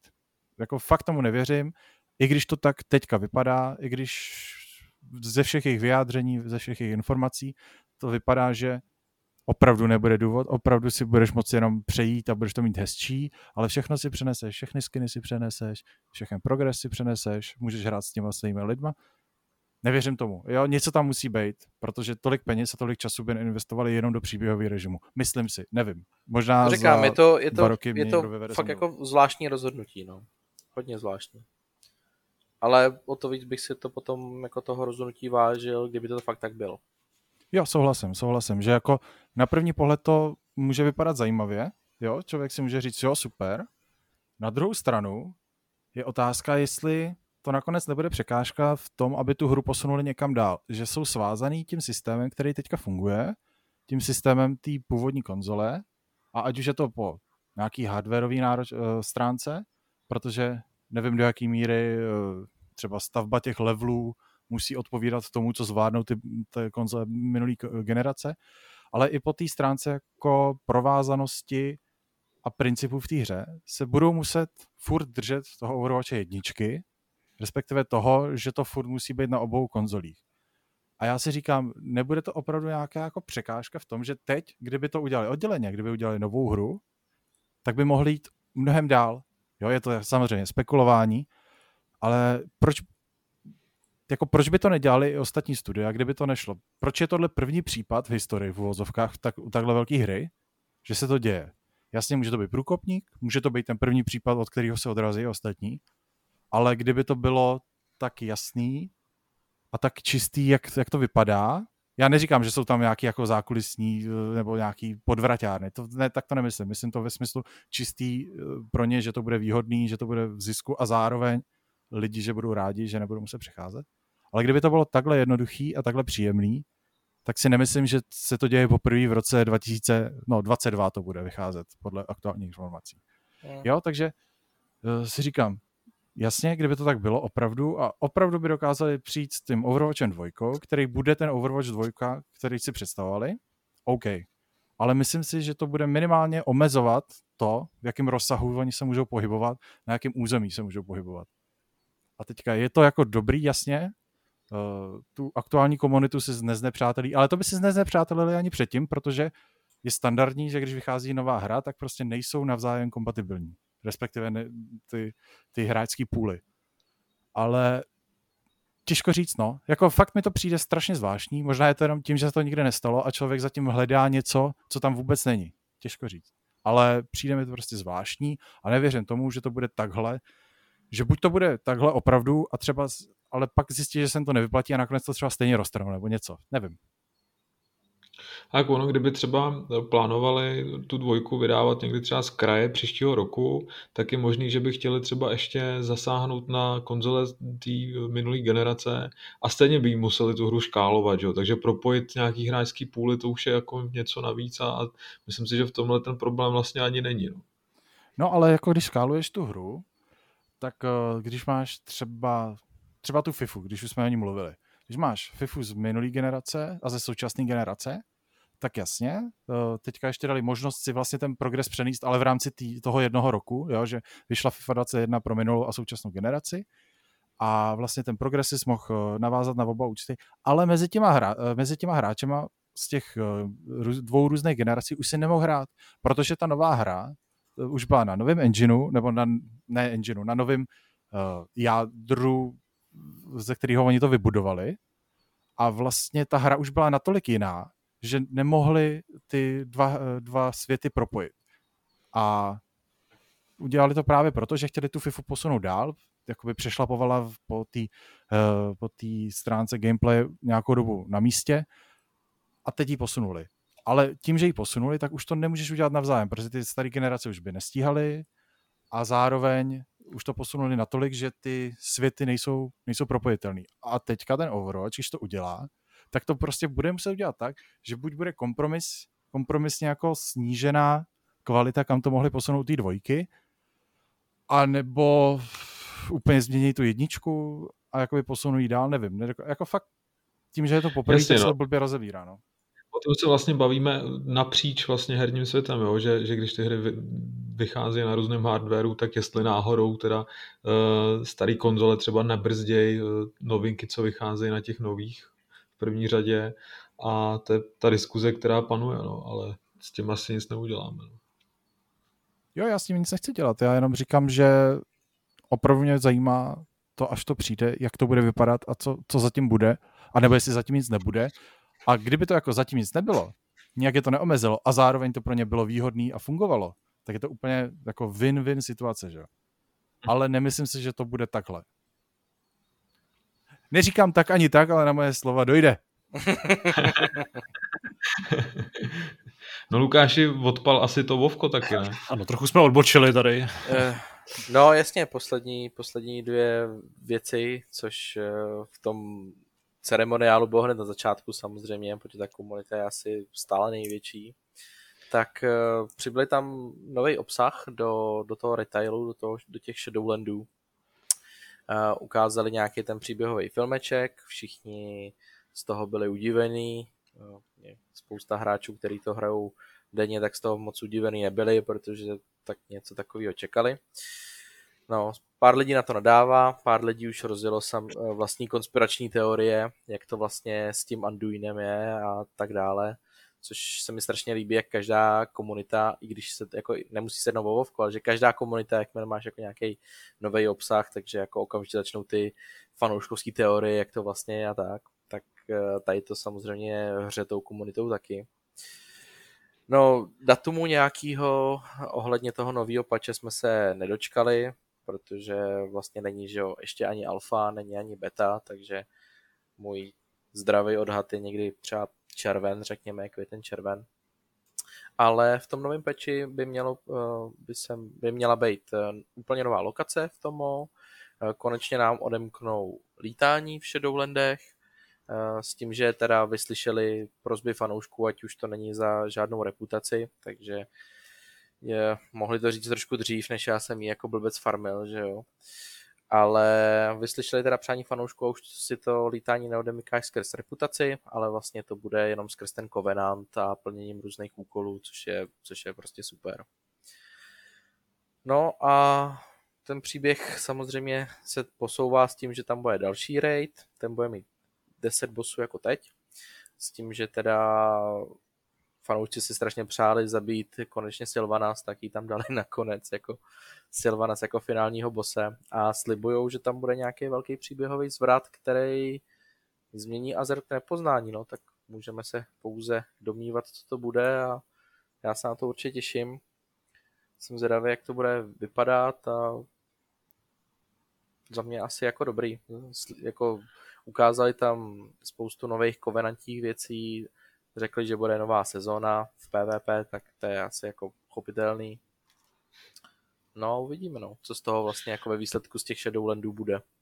Lukáši, pre je to poslední update a pak, pak to končí celý ta hra. No, já, nebo já už tady mám připravenou oprátku. Navazuje se pak v klasik, kde pojedeš zase od, od začátku. od začátku 17 let, no. To už by mě, no co, to už by mě asi kleplo. říkáš na Burning Crusade, je to vlastně věc, do které ty vidíš a te, o kterou se zajímáš, nebo kolem toho tak kroužíš jenom a, a nechává tě to chladným? No, ale já to mám trošičku jako s tím klasikem, já já se strašně bojím do toho zabrousit. Jako, já jsem se na to těšil, když to furt líkalo, to je, hele, to je, bylo to úplně jasný, že udělali jako Burning Crusade Classic, protože do toho ten klasik eh, hraje opravdu spoustu lidí a tím, že Blizzard eh, to udělal tak, že neplatíš nic navíc, jo. Ty ten klasik můžeš hrát zároveň, když si platíš normální Vovko, což je prostě super, tak uh, oni by si podřezali větev, kdyby prostě neudělali Burning Crusade, jo. to je prostě doteď nejlepší datadisk, co byl a já na něj vzpomínám s láskou. Ale zároveň si prostě říkám, že jakmile to začne, tak já bych v tom utopil tisíce a tisíce hodin a nejsem si úplně jistý, protože uh, jako víc co, hrát Vovko a udržovat jako ten jeden profil je časově náročný. Ale jako hrát jako Vovko dvakrát a udržovat dvě hry takhle, jako to už by mě asi položilo. No. Tak to doma dva ne. No, jako nejsem si úplně jistý, protože já mám ty nejlepší vzpomínky na Burning Crusade a hele, asi bych do toho šel, no, ale musím to udělat tak v tom případě tak, že na několik měsíců vypnu, vypnu to svoje, ten svůj retail a hrát to prostě nebudu, protože si myslím, že hrát zároveň dvě hry by opravdu musel být ten streamer nebo člověk, co uh, má nebo nemá respektive hluboko do kapsy a je mu to vlastně jedno, co udělá s časem. No. Prosím tě, a Burning Crusade to přijde jako update pro klasik, nebo to bude fungovat zvlášť? Vedle? Ne, eh, to je vlastně to, to nejlepší, co tam udělali. Já jsem se to snažil nějak popsat v tom článku, ale to, za to jsem teda jako tleskal eh, Blizzardu, jak se to rozhodli řešit, protože v té komunitě Eh, bylo spoustu otázek, spousta jako eh, mezi lidma to opravdu vřelo, jak chtějí něco takového udělat a jak to bude fungovat. Takže já opravdu jsem zatleskal Blizzardu, že to udělali opravdu znamenitě a zároveň to vysvětlili v tom jednom panelu úplně skvěle. Ono to bude fungovat tak, že to bude úplně zvlášť. Budeš mít eh, za jedno předplatný, budeš mít vlastně ten klasik, který jak říkali, na věky zůstane klasikem. Už to vlastně bude pouze ten 60. level a jelikož už je tam odemčený veškerý raidy, veškerý přístup už tam jako ty lidi mají, tak ono to tak zůstane a můžeš to hrát vlastně, dokud ti to bude bavit. A je to vlastně zakonzervovaný v čase. Ano, je to zakonzervovaný v čase, protože uh, Blizzard si uvědomuje, že spousta těch lidí ten klasik hraje, protože je to klasik, jo. A vedle toho máš ten retail, kde vlastně ten, ta lokomotiva furt, furt jde dopředu a potom teda bude tady Classic Burning Crusade, kde budeš mít ten první datadisk, jo. Zároveň tam bude jako samozřejmě obsažený veškerý Azeroth, jo. Ale bude to samostatný eh, ten první datadisk a bude to postupně se tam budou odemykat další a další věci, dokud to nebude tak jako ten klasik zakonzervovaný v čase, ta finální verze toho Burning Crusade a máš takhle vlastně za to jedno předplatný tři verze, jak můžeš to Vovko hrát, jak tě to baví. A to nejlepší na tom je, že ty si tam, ty dostaneš možnost, eh, pokud hraješ ten klasik a máš tam nějakou postavičku vyexpenou nebo nagírovanou, tak ty dostaneš možnost si ji převíst rovnou do toho Burning Crusade, tak jako před těma lety. Že vlastně skočíš hned přes skrz ten portál do toho Outlandu. To je, to je super, že to takhle udělali. Ale oni udělali ještě jako jinou věc a to, že v té době nebyly žádný tokeny, takže řekli, že teď v tom retailu to dělají pravidelně s každým novým datadiskem, takže ty dostaneš možnost jednoho tokenu, kdy nějaká ta tvoje postavička rovnou skočí na 58, aby mohla rovnou do, do Outlandu. Takže vlastně člověk, který klasik nehrál, a nechce strávit 200 hodin, aby se podíval do toho Outlandu, tak vlastně s tou jednou postavičkou, když to založí, tak tam rovnou může do toho skočit. Ale je to stejně geniální, co? Blizzard si prostě řekl, pojďme všechny ty naše hry vydat znova, jo, takže pojďme to znova prodat. Já se Ale... těším, že za 6 let prostě budu hrát Mists of Pandaria Classic, že jo? A... Ne, to neboj, tam se nedostanou, oni to maximálně udělali ještě Lich King, protože uh, Lich King byl takový ten vstup uh, Vovka do toho mainstreamu, kdy to začalo hrát nejvíc lidí, ale věř mi, do, do kataklizmu a dál už nepůjdou. A chci kataklizm, tak ať koukají dál. Ne, ne věř mi, že to, to už nepůjdou. To, to už by se zase podřezali tu větev jako opačným směrem. No a ještě teda jednu informaci a to, že oni udělali i tu možnost, že pokud chceš hrát klasik, zůstat v čase a zároveň chceš jako pokračovat do toho Outlandu, tak udělali tu možnost potom, tu teda řekli, že ta, bude jako možnost na storu, takže předpokládám, že to bude stát nějakou tu stovku dvě a že si můžeš jako zduplikovat tu postavičku, takže můžeš s ní hrát jak v klasiku a zůstat tam, tak pokračovat vlastně do toho Outlandu. To je prostě ten Takových No, to je prostě geniální systém, jak z hry vyrobit v podstatě druhý zaměstnání, ale dát ti možnost jako penězma to zvrátit zase ten, ten systém. To mi prostě přijde fascinující.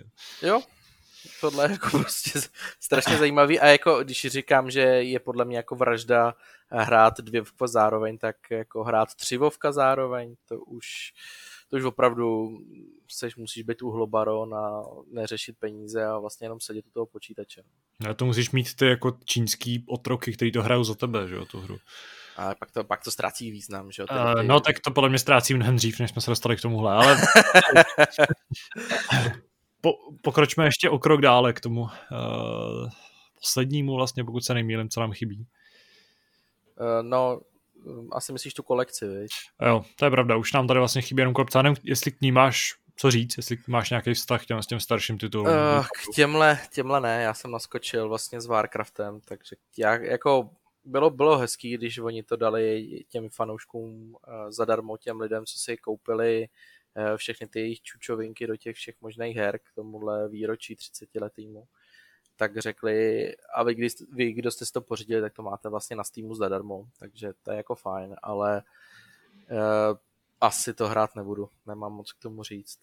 Myslím, že pro pamětníka je to asi fajn, ale já jsem ještě chtěl poznamenat, jak jsem to nestihl, že jsem si tady v mezičase eh, koukal na ty nový gameplay videa z Diabla 4 a mám hmm. prostě hroznou chuť to hrát.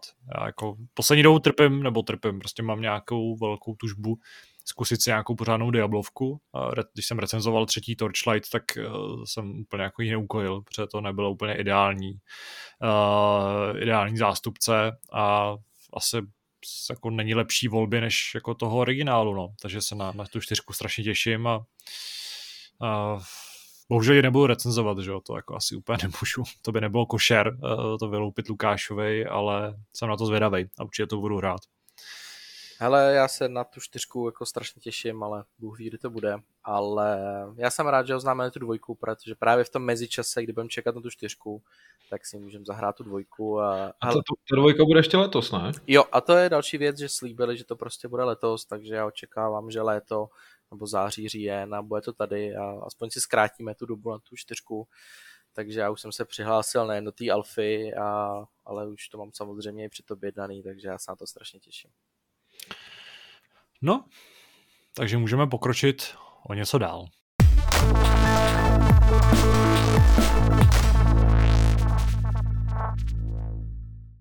V druhé části našeho tematického okénka se nebudeme věnovat žádným novinkám nebo událostem, které eh, by se udály v posledních dnech nebo týdnech, ale podíváme se zase na nějaké jako větší, větší téma. Když jsem přemýšlel, o čem bychom si mohli povídat, tak eh, mě tak jako mimoděk napadlo, že v současnosti nejen herním průmyslem, ale i třeba jako filmovým, seriálovým, komiksovým, knižním, obecně prostě celou popkulturou prostupuje obrovská popularita uh, severské mytologie a zatímco dřív eh, to nebylo tak obvyklý, tak v dnešní době je opravdu propíraná horem dolem. Kdybychom to chtěli teda jako mocí zasadit do nějakého co nejsoučasnějšího kontextu, tak eh, můžeme zmínit třeba Valheim, eh, což je jako největší hit posledních dní, který láká miliony hráčů, současně ho hraje prostě tisíce hráčů a trhá rekordy z týmu, když nepočítáme Counter-Strike a na ten jako dálný sever s vikingama dost často, nebo naopak s nějakýma bož, božstvama, s Thorem a dalšíma, tak se prostě tím, tím směrem vydává čím dál, čím dál víc her. A to i z těch velkých sérií, takže můžeme vzpomenout třeba Assassin's Creed.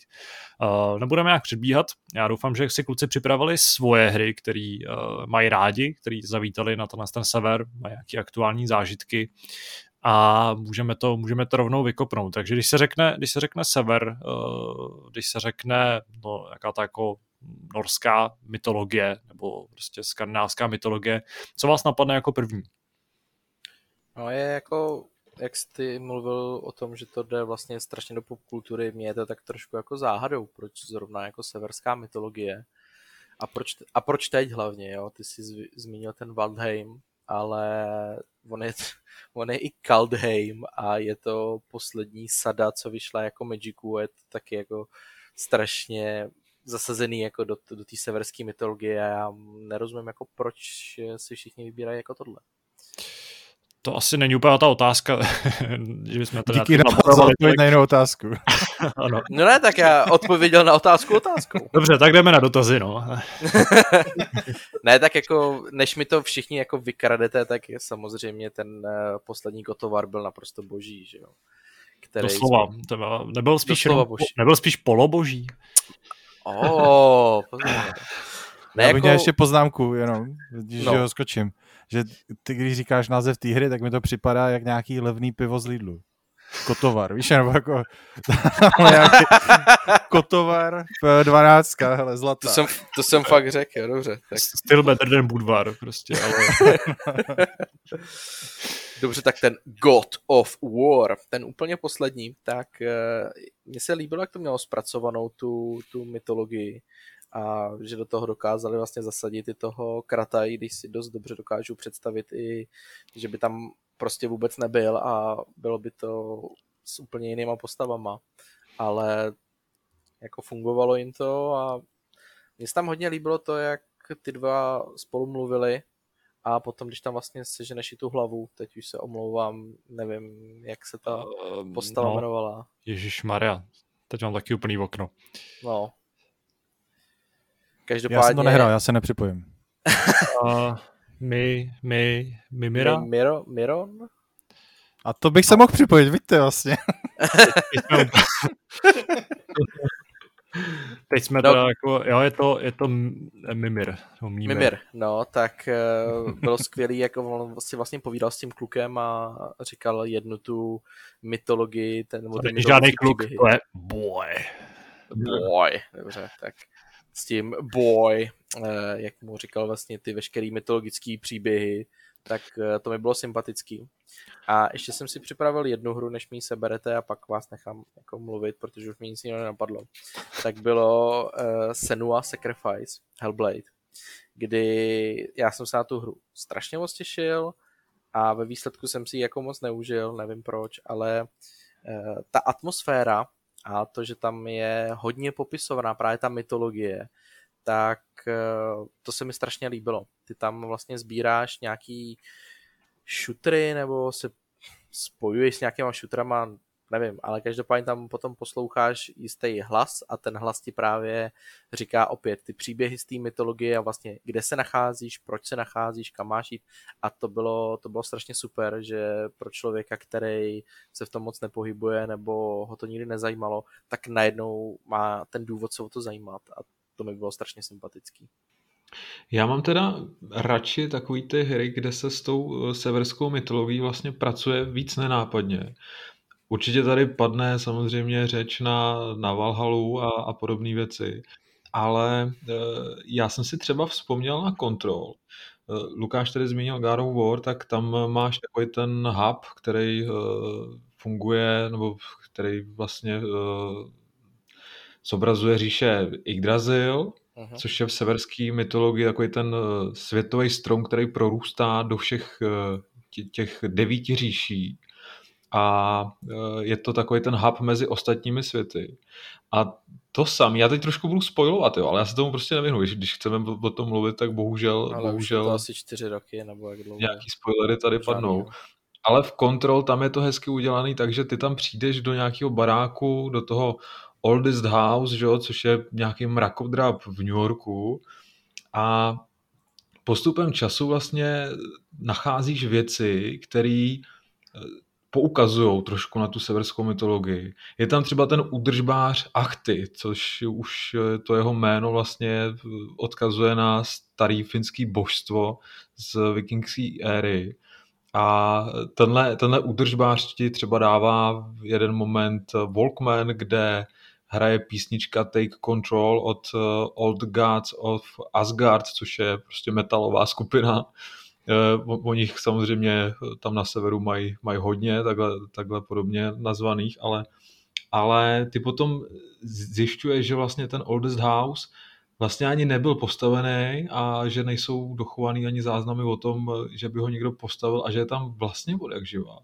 A je tam právě ta spojitost s Yggdrasilem, že vlastně to úplně naráží eh, na, na tady ten bod v severské mytologii a to, co se pak tam děje v kontrol, to, to už pak jako samozřejmě nechci, nechci zabíhat do nějakých detailů, ale všechno okolo vlastně vlastně ti nenápadně poukazuje na ty severský bohy. No. Takže to je pro mě zajímavé, jo, že vlastně máš, máš nějaký svět, který je, dejme tomu, moderní, když ono se to odehrává uh, v minulém tisíciletí a uh, máš tam, máš tam prostě různé náznaky, které si můžeš vyložit různými směry a možná ti to ani na první dobrou nedá dohromady nějaký obrázek, ale když si prostě najdeš na internetu ty náznaky a různé výklady, tak si to poskládáš dohromady a nakonec je z toho úplně něco jiného.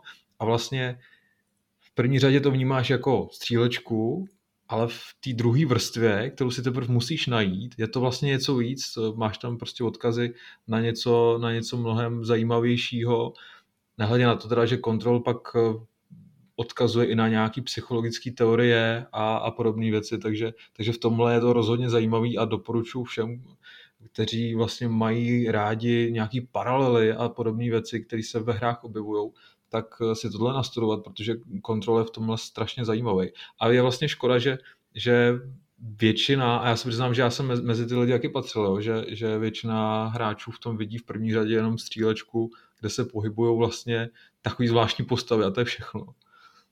Jo. Teď jsem asi minutu přemýšlel o tom, jak tady udělám coming out a řeknu, že tohle jsem tam vůbec neviděl a nenašel. No já původně taky ne, ale a když se, když se, když se začteš potom na internetu nad těmi detaily, zamyslíš se nad tím a, a poslechneš si různý lidi, kteří, kteří třeba o tom vyprávějí na YouTube, eh, mají vlastní samozřejmě teorie, něco k tomu řekli i vývojáři, takže je to zajímavé tohle všechno si dá dohromady a, a najít si v tom třeba něco svýho. Ale jo, přímo to na tu no. severskou mytologii tam ty odkazy jsou taky. No.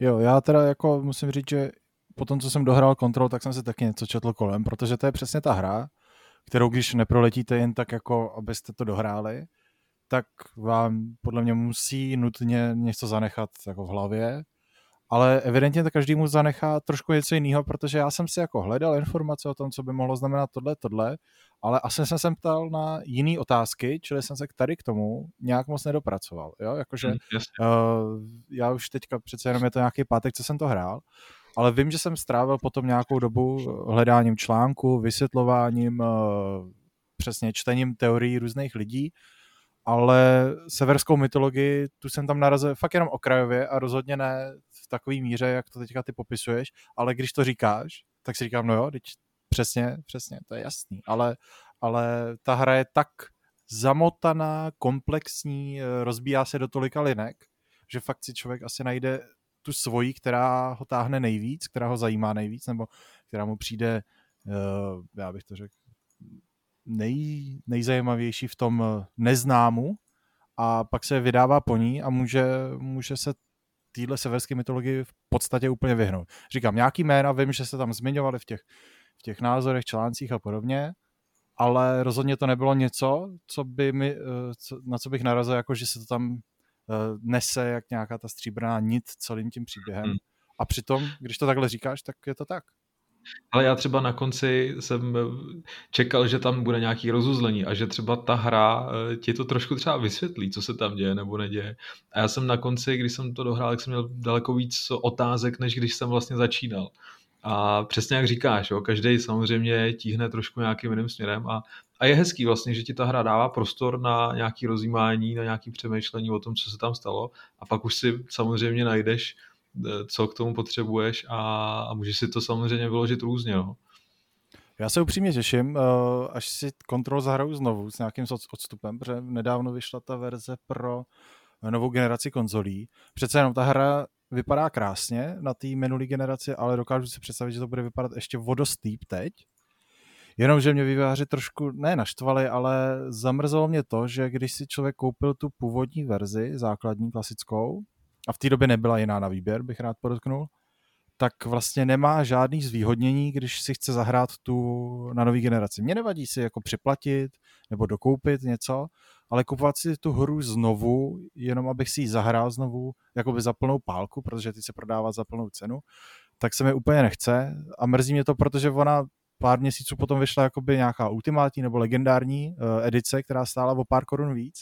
A vlastně ta už zahrnovala tu Eh, tu verzi pro novou generaci, ale člověk, který v podstatě jim věřil a investoval do nich hnedka v těch prvních týdnech, měsících, tak nakonec je nejvíc trestaný, protože nemá vůbec žádný zvýhodní a mě to jako naštvalo. A ani nejde o ty peníze nakonec, ale o ten princip, že vlastně těm nejvěrnějším, co si to buď předobjednali, anebo si to koupili, uh, nedají nic a ty, co počkali a vyčkali se na nějakou lepší edici anebo na nějakou slevu, tak ty v podstatě na tom vydělali, takže já teďka budu ten, kdo si počká na nějakou stavu a nebudu jim dávat plnou pálku, protože uh, mě tenhle přístup fakt zamrzá. Ale to už jsme odběhli úplně. Ale fakt se těším, až si to hraju znovu, s tím, že vím, co mě čeká. A přesně jak říkáš, ten příběh rozhodně není zakončený nějak jasně, ani, ani ten průběh není úplně evidentní, co se tam děje. Čili tohle je ta hra, kterou když zahraješ znovu, tak si myslím, že jako odkryješ víc ale rozhodně to nehraješ s tím způsobem, jo, já už vím, co se stane, jo, já už chápu, co tady bude, jasně, tady bude twist, eh, takže tady si dám pozor na tohleto. Ne, tohle je hra, kterou budeš hrát znovu a budeš ji hrát v podstatě jako novou hru s tím, že máš nějaký předchozí vědomosti, ale rozhodně to nebudeš jako opakovat.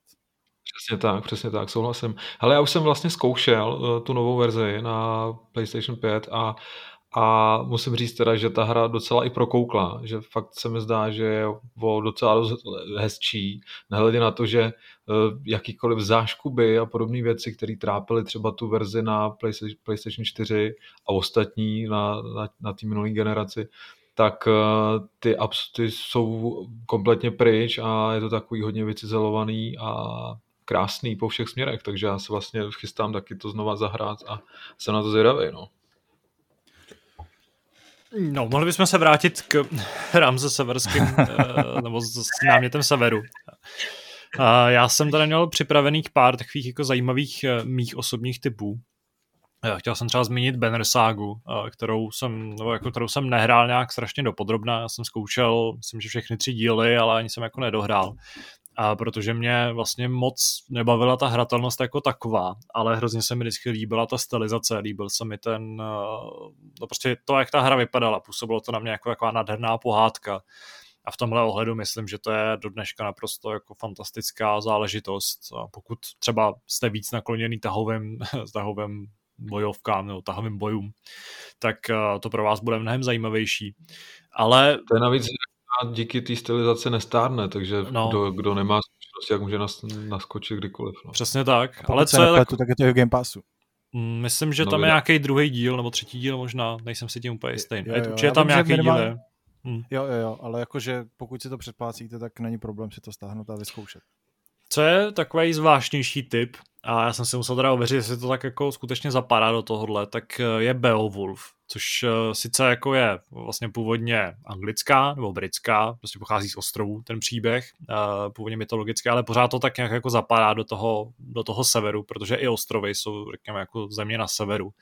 A nevím, jestli jste někdy hráli herní zpracování filmu, který vyšel někdy v roce 2006 nebo 2007, my jsme ho, to si pamatuju dost dobře, dostali jako dárek zadarmo k uh, Forza Motorsport 3 na Xbox 360, uh, nebo nějaký jako balíčku prostě her na Xbox, tak si v nějakém obchodě mohl vybrat nějakou hru zdarma a mezi nimi byl právě Beowulf.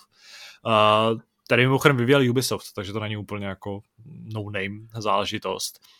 A ta hra byla vošklivá, byla taková divná, byla, protože byla úplně neuvěřitelně obtížná, ale vlastně na ní mám docela fajn vzpomínky, protože jsme ji hráli s kamarádem, snažili jsme se skrz ní nějak prokousat. Tam zase byl problém v tom, že to byla přesně ta hra, kde jsme třeba v půlce zakysli na nějakém úkolu, který prostě nešel splnit, byl nás moc obtížný ale uh, tehdy jsem si prostě připadal jak ten válečník a měl jsem tam vlastně kruce jako, jako družinu uh, spolubojovníků, uh, se kterými si odevíral nějaký dveře. Pamatuju si, že tam byly úplně jako zvláštní úkoly, kde tě lákali takový ty uh, jako amazonky, ještě to nejsou amazonky, uh, taková ta prostě armáda nějakých dam v bažinách a snažila se tě natáhnout do, do jejich spárů a, a jako podobné krásy. Ale celá ta hra měla takovou tu správně jako severskou atmosféru, První misi si strávil tím, že si zabíjel nějaký kraby a lámal jim kurnýře. A, a vlastně jako na to, jak debilní ta hra vlastně retrospektivně je, tak uh, jí, mám, jí mám rád a docela jako s radostí na ní vzpomínám jsem někde v recenzi tenkrát četl, že na té hře je vlastně nejlepší ta její obálka, že jo? Ten, ten obal, ten obrázek na něm, protože jinak za moc nestojí. A myslím, myslím že byla, měla i češtinu, což bylo jako docela, docela příjemný, minimálně, minimálně. to je jiná. Ano. A teď se ještě potřebuji urovnat nějakou další myšlenku, takže vám zase dávám prostor. Třeba Mírovi, který zatím kromě vlastně, rentu na kontrol nepřinesl nic tady do, do vínku. No. Já jsem přemýšlel, samozřejmě furt tady vysí ve vzduchu eh, nejnovější, největší hra, když, eh, když se podíváme do posledního roku třeba, a tím je Assassin's Creed Valhalla, ve kterém jsem strávil taky dost času. Já Říkal ani nevím, jestli o něm mám ano. Jako jsem říct. potok asasinů. Počkat, ještě jednou, co jsi mi rozuměl? Já jsem nerozuměl Assassin's Creed, ale Creek. Jo, no tak to jsem neříkal, tak to slyšíš blbě, no. Ale myslím si, že by to byl lepší název než, než Assassin's Creed. Jo, no to nevím, uh, můžeš to rozhodně rozpracovat a pak nám uděláš příští den uh, referát. A Každopádně, když, eh, když se ještě podívám jinam, ještě než se do toho vrhnu, tak hra, která vlastně nějakým způsobem minimálně ten sever uh, zobrazuje, uh, je For Honor, hmm. kde vlastně jedna z těch čtyř fakcí, frakcí, za kterou můžete hrát, je, jsou právě vikingové. A to je hra, na kterou se vzpomíná docela ve zlým, zejména v tom prvním období, kdy to vyšlo, to mělo spoustu chyb, padalo to, hra nefungovala, byly tam různý glitche, což je problém v takovéhle hře, která je hlavně multiplayerová o multiplayerových soubojích. Ale č, č, postupem času, jak už to u mnoha Ubisoftích her bývá, eh, se dopracovala, doladila a stala se z ní třeba takový dva, tři měsíce potom eh, fakt zábavná hra, já jsem se k ní vrátil třeba po půl, po tři čtvrtě roce. A musím říct, že jsem, že jsem si to strašně užil, že vlastně za prvý tím, jak to bylo už nějakou dobu vydaný, tak eh, ta hra eh, vlastně přišla o ty úvodní hráče, který ne, nějakým způsobem nectili, nectili nějaký pravidla toho boje, protože ve chvíli, kdy tam třeba bojovali dva na dva, dejme tomu, tak uh, mezi těma hráčema se dodržovalo nějaký gentleman, nějaká gentlemanská dohoda, že když každý bojuje s jedním a když jeden zemře, z té dvojice nějaký, tak nechá ty dva zbylí dobojovat a nebude se do toho souboje zapojovat. A pak ať si to rozdají zase jeden na jednoho, jo? že to bylo takový uh, fakt gentlemanský po té době, všichni to dodržovali, když to nedodržovali, samozřejmě jste neměli šanci jeden proti dvěma uh, lidem ale zároveň to fungovalo a bylo to strašně zábavný a dokázali jsme v tom, když jsme se třeba sešli ty čtyři lidi, uh, utopit strašně moc času a fakt dobře si zabojovat. A v podstatě mi to hodně připomíná ten soubojový systém uh, Kingdom Come. Ne, není to jednako jedný, ale ty základní mechanismy vykrývání toho směru, správného načasování, blokování, řešení té situace vlastně, abyste byli vždycky jeden proti jednomu, protože byly tam i klasický nějaký skirmishe nebo větší mapy, kde, kde bylo těch hráčů snad i osm na každé straně, čtyři určitě, osm se nejsem jistý. A takže jste si museli dávat pozor na to, že bojujete fakt jenom proti jednomu a podobně. A právě tím, že tam byla ta jedna frakce eh, těch vikingů, tak i některé mapy a území byly eh, dost stylizované a přenesený do tohohle, do tohohle světa. A vlastně... A v podstatě bylo historicky akurátní, že jo? Přesně, bylo to jedno, podle skutečných událostí samozřejmě. a ta druhá hra, který já teda mlu, budu mluvit, když, abych nezmiňoval ty, co už tady zazněly, z kterých už jsem nějaký hrál, je, je právě ten Assassin's Creed, který uh, se po těch letech, kdy to vycházelo co půl roku, no spíš co rok, uh, jak říkal Lukáš předtím, dostala do nějakého pomalejšího režimu s tím, že ten systém se od Origins, což jsou vlastně, tohle je třetí díl té nové série, ta, ta Valhalla, tak se to dost posunulo a myslím, že to bylo extrémně zábavný a pro člověka, kterýho ta mytologie zajímá, tak tady může zabrousit mnohem hlouběji. Stejně jako když bylo, když bylo to Odyssey, tak taky se tam skvěle vy, využívalo těch řeckých, uh, tý řecký mytologie. Vlastně v těch DLCčkách jste se podívali i do těch uh, nadpřirozených světů. Stejně jako tady v té Valhale se můžete podívat do, do, do toho ráje nebo do toho nebe jejich a do toho jejich pekla. A tím, že uh, vlastně vychází ti autoři z reálí skutečných, který, který byli a snaží se na nich postavit si ten příběh, tak, tak, to, tak to sedí do sebe, i když, i když se tam samozřejmě využívá těch nadpřirozených jevů a je to super zábavný. Ale pokud do toho naskakujete, anebo jste do toho zkusili naskočit a hráli jste těch prvních pár hodin, já nevím, jestli jsme už o tom tady nemluvili v, minulý, v minulých háporech, tak prostě ta první část, no, ta první část, kdy jste na tom severu, jo, to určitě jsme se bavili a myslím, že my dva dokonce, s Kubou. že ta první část je pekelná a musíte ji přetrpět, protože ta hra je dobrá až potom. Hele, já tady na tebe navážu, protože v souvislosti právě s Valhalou se mluvilo o tom, že, že autoři sice vycházejí z nějakých reálí a snaží se co nejvíce přiblížit třeba, nebo oni se snažili co nejvíce přiblížit eh, tomu, jak to tenkrát mohlo být, ale vlastně se nedokázali vyhnout takový té romant, romantizované představě uh, vikingů o tom, jak oni tenkrát fungovali. Uh, to znamená třeba, že ty, ty ani nemůžeš zautočit na uh, nějaký běžný lidi, který potkáváš třeba ve městě, ve, mě, ve městě, že jo? protože jinak tam dochází k nějaký té desynchronizaci nebo k něčemu takovému. Že jo? Takže, ano. takže v tomhle třeba ta hra byla trošku kritizovaná, že přece jenom eh, je to, a těch prvků tam bylo víc, jo, ale že přece jenom je to trošku nadnesený a že stejně, i když třeba mluvili o něčem jiném, že měli jiný cíle, tak stejně předávají tu klasickou eh, romantickou představu o tom, jak eh, vypadá klasický viking. No.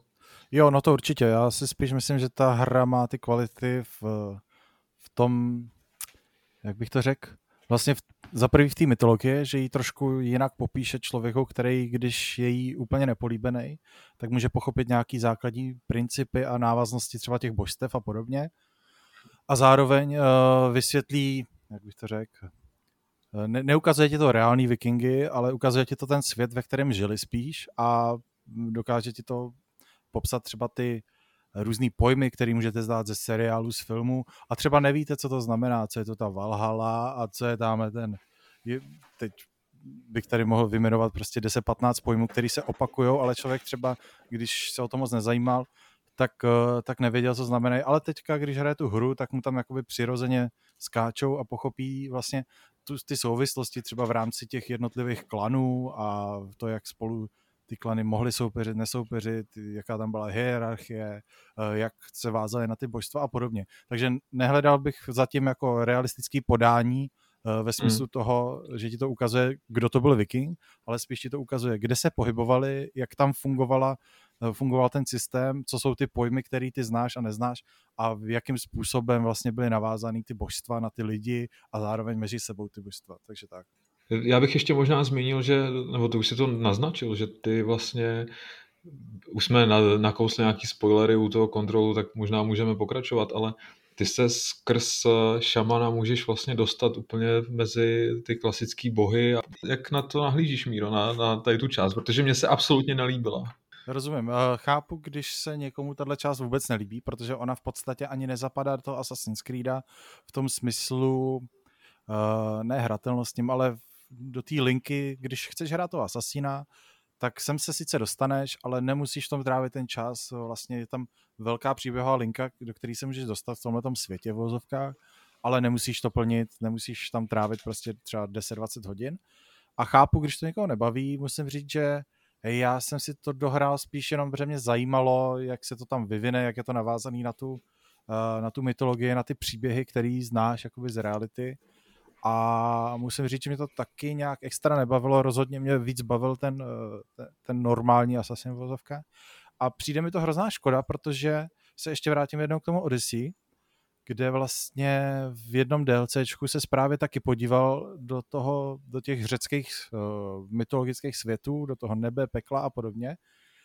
A tam mi to právě, to bylo DLCčko, které mě extrémně bavilo, strašně jsem se do toho zažral, strašně mě bavilo to, jak tam byly vyobrazený ty postavy, božský, polobožský, uh, nebožský, různě uh, ty z těch, myto, těch řeckých bájí a pověstí, co znáš, tak vlastně eh, ty různý bohové, polobohové, manželky, manželé, synové, děti, mrtví nahoře, bez, dole s a prostě strašně to bavilo to DLCčko a proto jsem se hodně těšil na to, jak to bude, jak to bude dělaný tady v té Valhele a zklamalo mě to o to víc tím, že jsem věděl, že to umějí udělat dobře, nebo pro mě dobře.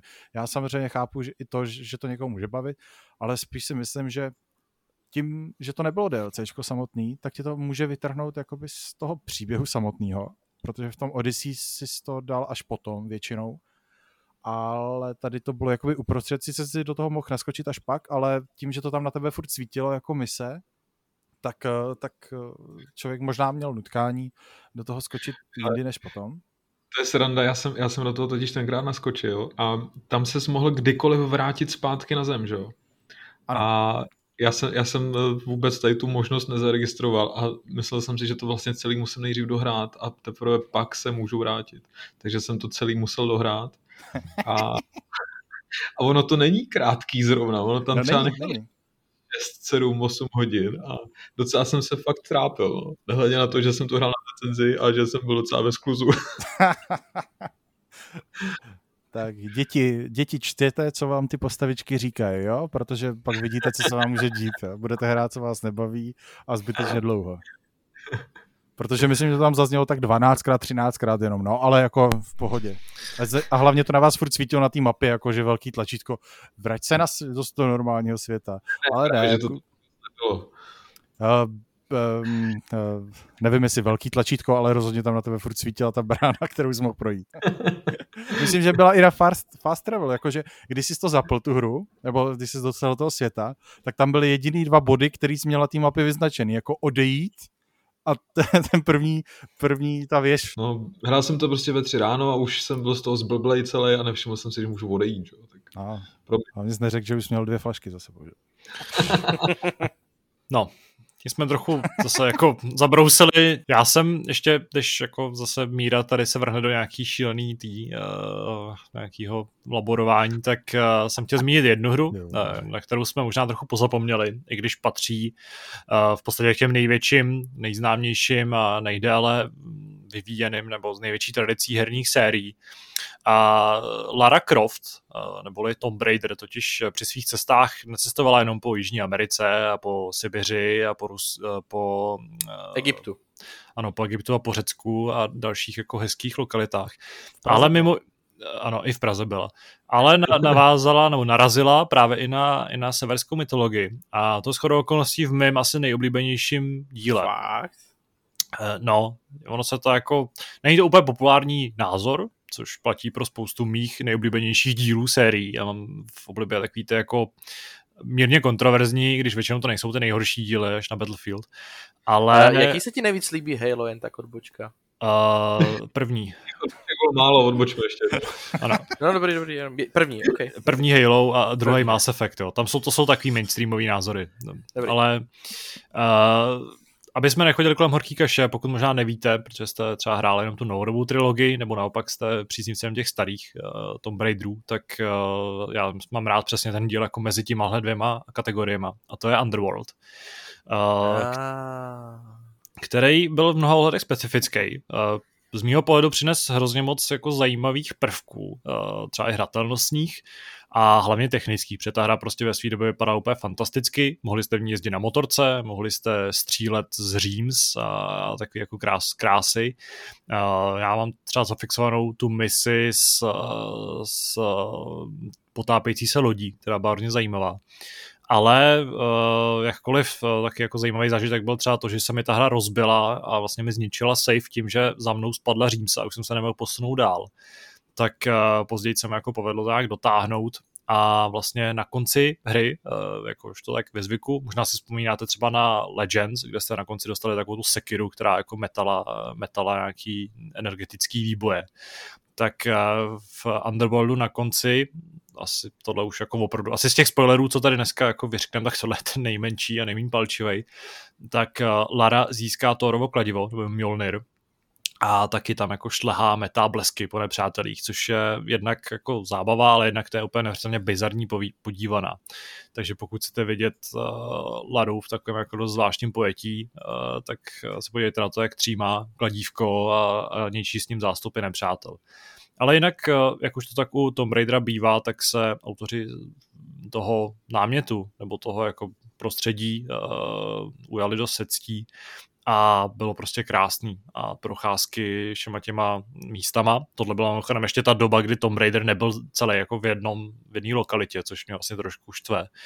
Ale uh, tehdy se hodně cestovalo, tak ta hráky začíná v nějakým jako trochu teplejším prostředí a později, až přejde do to na ten sever, je to prostě jako docela zajímavý kus, kus z historie a i když třeba k tomu, tomu dílu konkrétnímu máte nějaký předsudky, nebo jste ho nehráli, protože jste slyšeli, že není moc dobrý, tak doporučuji tomu dát šanci ale zase už je to hra, která se asi dneska bude schánět trochu komplikovaně, eh, pokud nemáte doma počítač, takže nevím, jak je to tam s nějakou zpětnou kompatibilitou, to opravdu teďka jako z hlavy neřeknu.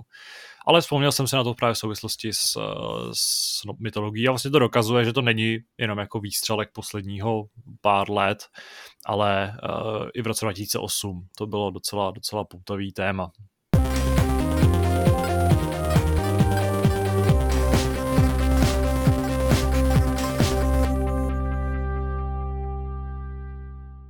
Přesouváme se k dotazům. Máme tentokrát dotazy jak v diskuzi, tak v mailu. Nevím, čím chceme začít, Kubo. Chci začít dotazem z mailu nebo z diskuze? diskuzí. Píše nám třeba Veselý Králíček. Upřímně mě přehršel Spartanů v redakci už moc nebaví. Nemohli byste fandit třeba Bohemce nebo něčemu normálnímu?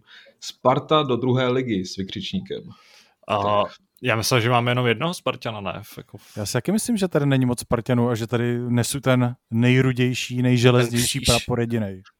Eh, já bych teda ale na, na ten dotaz jako odpověděl, že eh, Bohemka bohužel nehraje hokej a Míra je především hokejový Spartan. Takže... Jsi si jistý, že nehraje hokej, nehraje ho na nějaký jako úplně pralesní úrovni třeba? A tak to možná jo, asi. Tak to asi jo, ale tak jako kdo by na to chtěl koukat, že jo. Dobře. Dobře, pokračujeme dál. Píše nám i Salvator. Pár otázek v reakci na zrušení updateu pro Anthem a Davidův komentář. Za A. Myslíte si, že bylo ještě možné Anthem zachránit? Mm, ano, asi všechno by šlo zachránit, ale uh, všechno stojí nějaký peníze.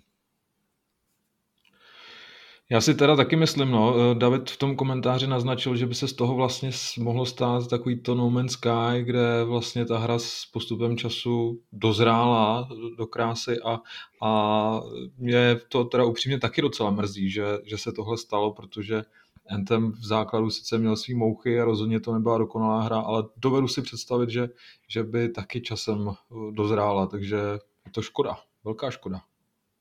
Jo, a já myslím, že z reakcí lidí je vidět, že nebyl David jediný, koho to mrzelo. No. Že já teda se nemůžu připojit ani na jednu stranu, já jsem zkoušel jenom chvíli, moc mě to nechytlo, ale nemůžu ani říct, že by to bylo byla špatná hra, protože fakt jsem tomu dal maličko, ale je vidět, že minimálně ty lidi se těšili a doufali v to, že, že se to ještě zvedne, no, že se to zachrání. Je tady ještě k tomu další dotaz, vlastně navazuje na ten první. Eh, jestli si myslíme, že v BioWare měli nějakou představu, kam tu hru posunout? No to měli poměrně jasnou. Eh, ten původní plán v tom, jak ten malý tým, řekněme nějakých 20-30 uh, vývojářů předělával Anthem. Je teda trochu vtipný, že tomu říkáme malý tým, ale v rámci BioWare ano. Tak byly ty plány docela rozsáhlý, aspoň z toho, co víme. Mělo prostě dojít ke kompletnímu překopání v podstatě všech těch jako elementárních e, součástí hry, ať už je to loot, e, střelba, systémy misí, obecně ten pohyb po světě. V podstatě cokoliv, co na té hře, nebo co, v čem našem spočívala ta původní hra, tak se mělo dočkat nějakého revorku, mělo to všechno i modernější, odlehčenější a zábavnější, takže v podstatě ten jako projekt eh, vznikal tak trochu jako od píky, když samozřejmě ten základ tam pořád zůstával a myslím, že ten tým to měl jako vypointovaný mm, dost jasně, ale problém byl prostě v tom, jestli se to povede, jestli na to těch eh, lidských sil je dost a jestli je do toho vydavatel ještě ochoten investovat a dávat do toho, mm, dávat vlastně další šanci tomu projektu, což se ukázalo nakonec zřejmě jako problém. Nehledě na to, hmm. že teda nám tvrdějí, že za to může koronavirus, nebo což je podle mě teda absolutně jako holej nesmysl a je to prostě výmluva, která se zrovna hodila. Salvatore ještě pokračuje v dotazu. David tvrdí, že Dragon Age 4 bude v zásadě Inquisition znovu. Stačilo by to na úspěch? Nebylo by lepší Dragon Age proměnit v plně taktické RPG jako Divinity nebo Pillars of Eternity? Případně v plně akční RPG, jako je třeba třetí zaklínač? Myslím, že ne, protože uh, Dragon Age má svůj poměrně jasně vymezený žánr, uh, ačkoliv třeba druhý díl s tím trochu experimentoval a ten vlastně to Inquisition to dotáhl docela k dokonalosti. A já považuji Inquisition za mimořádně povedenou hru, ač má samozřejmě svoje nějaké jako problémy, tak prostě ta hra je obecně považovaná za skvělou, za skvělej, skvělý pokračování. A uh, příklon k těm taktickým bojům absolutně podle mě jako nezapadá do snahy líbit se mainstreamu, protože prostě, ať už jako si myslíte cokoliv, tak Divinity není hra, kterou by jako kupovali miliony hráčů, těch jako klasických uh, fanoušků série. Já myslím, že by se uh, těm, jako řekněme, méně náročným hráčům moc nepozdávalo, protože ty hry jsou poměrně komplikovaný, náročný a naopak eh, to jako akční RPG ve stylu zaklínače, tak tam myslím, že jako myslím si, že Dragon Age má prostě ten svůj balans, má ten svůj žánr a jsem si jistý, že nebo se prostě souhlasím s Davidovým názorem, že nedojde k žádnému velkému odklonu a ta hra nebude nějak jako zásadně kreativní. Já si taky nemyslím, že to že dojde k nějakému velkému odklonu, ale nemyslím si, že to je nějaký velký problém. Souhlasím s tím, co ty si, ty si tady naznačil, že vlastně ta hra má nějaký svůj, svůj styl a, a ten styl je v celku unikátní a že by u toho vlastně měli zůstat. A jestli by, se, jestli by měli zapracovat nějaké další novinky, tak to samozřejmě k tomu prostoru je, no, tak nechme se překvapit. Jako nepředpokládám, že se z Dragon Age stane looter slasher, ale bude to prostě jako, bude to další Dragon Age. To jako bude další Mass Effect určitě stejný jako vlastně ty moderní Mass Effecty. I když hmm. tam je pravda, že Andromeda jako malinko možná víc inklinovala k té akci, že přeci jen druhý a třetí díl byly pořád ještě jako na pomezí toho RPGčka víc. Uh, ale zase jako z mého pohledu pořád ve hrách od BioWare a to je možná i problém Antemu, jeden z těch velkých problémů, tak tam prostě hrozně moc úspěch té hry spočívá na příběhu, na postavách, na, na tom světě. A jako ty postavy podle mě to je to nejstěžnější. A máš ten svůj tým, každý má nějaký svůj charakter, můžeš s nima prostě souložit, což je taky super. A tohle myslím, že jsou prostě klíčové věci, které je třeba podchytit, jak Dragon Age a Mass Effectu a pokud je tohle kvalitní, tak v ten moment hráči, hlavně teda fanoušci, odpustějí i nějaký ten malý jako hratelnostní nedostatek. Co vy kluci, jak na tohle koukáte? Eh, mě Inquisition bavilo fakt hodně, takže pro mě by ani nebyl problém, kdyby to byl Inquisition 2, jo, takže eh, já si, já doufám, že Dragon Age zůstane v tom, v čem byl, dobrý a jenom to posune dál v novém kabátku. Jo, když už jsme byli u těch jako nepopulárních názorů, nebo názorů, že nejlepší hra ze série je ta, která jako to tak úplně nemají všichni ostatní, tak u mě to je Dragon Age 2, což byla prostě super hra. A ať mi tvrdí, kdo chce, co chce, tak jako příběhově to byla nejzajímavější a nejméně tuctová hra od, od BioWare. Já jsem hrál jenom ten Inquisition, takže já se k tomu nemůžu úplně vyjádřit. A Lukáš? Uh, já se zeptám jinak, Kubo, uh, kolik her od Blizzardu si hrál ty? Lukáši, uh, přestaneš uh, povídat otázkama. Ne. Tak to se bavíme o BioWare a ne o Blizzardu. Ale... No právě, kdyby, kdybyste mi odpověděli, tak já bych vám řekl, že přesně takovýhle vztah já mám jako, jako BioWare a to. Já poslední sérii, jako sérii, co jsem hrál od EA, je, nebo teda byl Dead Space 1, 2, 3 a Mass Effect jsem nehrál nikdy. Uh... Jsem chvíli důmal nad tím, co s tím má společného Dead Space, ale dobře. No, EA. jo, OK. Ale, no, no, ale jako bohužel, no, vím, že od BioWare byly ty, ten Old Republic, ne? Uh-huh. Ty byly od BioWare. Ale... Salvator, Salvator to tady uzavírá. Promiň, Lukáši, chtěl si ještě dodat něco? No, že no, já... Už nemáš právo. Ne... Prostě, Kubo, no, nemám se k tomu jak vyjádřit, no, protože jako... Já jsem to prostě nehrál ani jeden Dragon Age, ani jeden Mass Effect, takže jde to úplně Ale mě, no. Pěkně jsi to popsal, no. jako ten kol... Já teďka bych klidně střihl těch 30-40 vteřin, co byl předtím a jenom bych tam jako nastřih do toho, jsem to prostě nehrál, no. Ako. Ale Lukáš si i tak uzme slovo a vyplodí z toho nějakou myšlenku, zmíní no. Blizzard. A... No rozhodně z toho vyplodí nějakou otázku. Jako. No a ještě, no, ještě, ne, mi, v tom, jako... ještě mi v tom chybí nějaká tvoje ex-přítelkyně. to ne, ale mám, mám kamarádku, která Dragon Age fakt jako žere a dokáže o něm velmi nadšeně mluvit. Já to vždycky rád poslouchám, ale bohužel pokrčím ramenama. No. Dobře. Salvator to tady uzavírá posledním eh, dotazem. Není na čase přiznat, že ty nejlepší RPG už se v BioWare prostě nedělají a dělat ani nebudou? Na to můžu odpovědět, ale já taky. Ano, je to pravda. Dobře, já furt jako chci důvěřovat tomu, že v tom týmu nějaký potenciál dříme. Což je trochu jako paradoxní tvrzení, vzhledem k tomu, že co má vlastně za BioWare za sebou uh, za výtvory.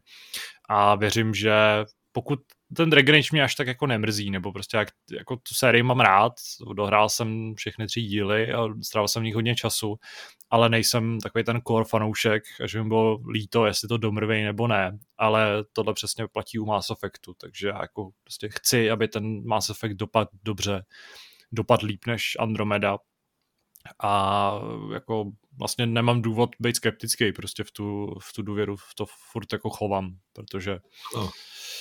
Stále věříme v BioWare Magic. Nic jiného mi nezbývá. Přesně tak, BioWare Magic. Míro, máš k tomu ještě něco?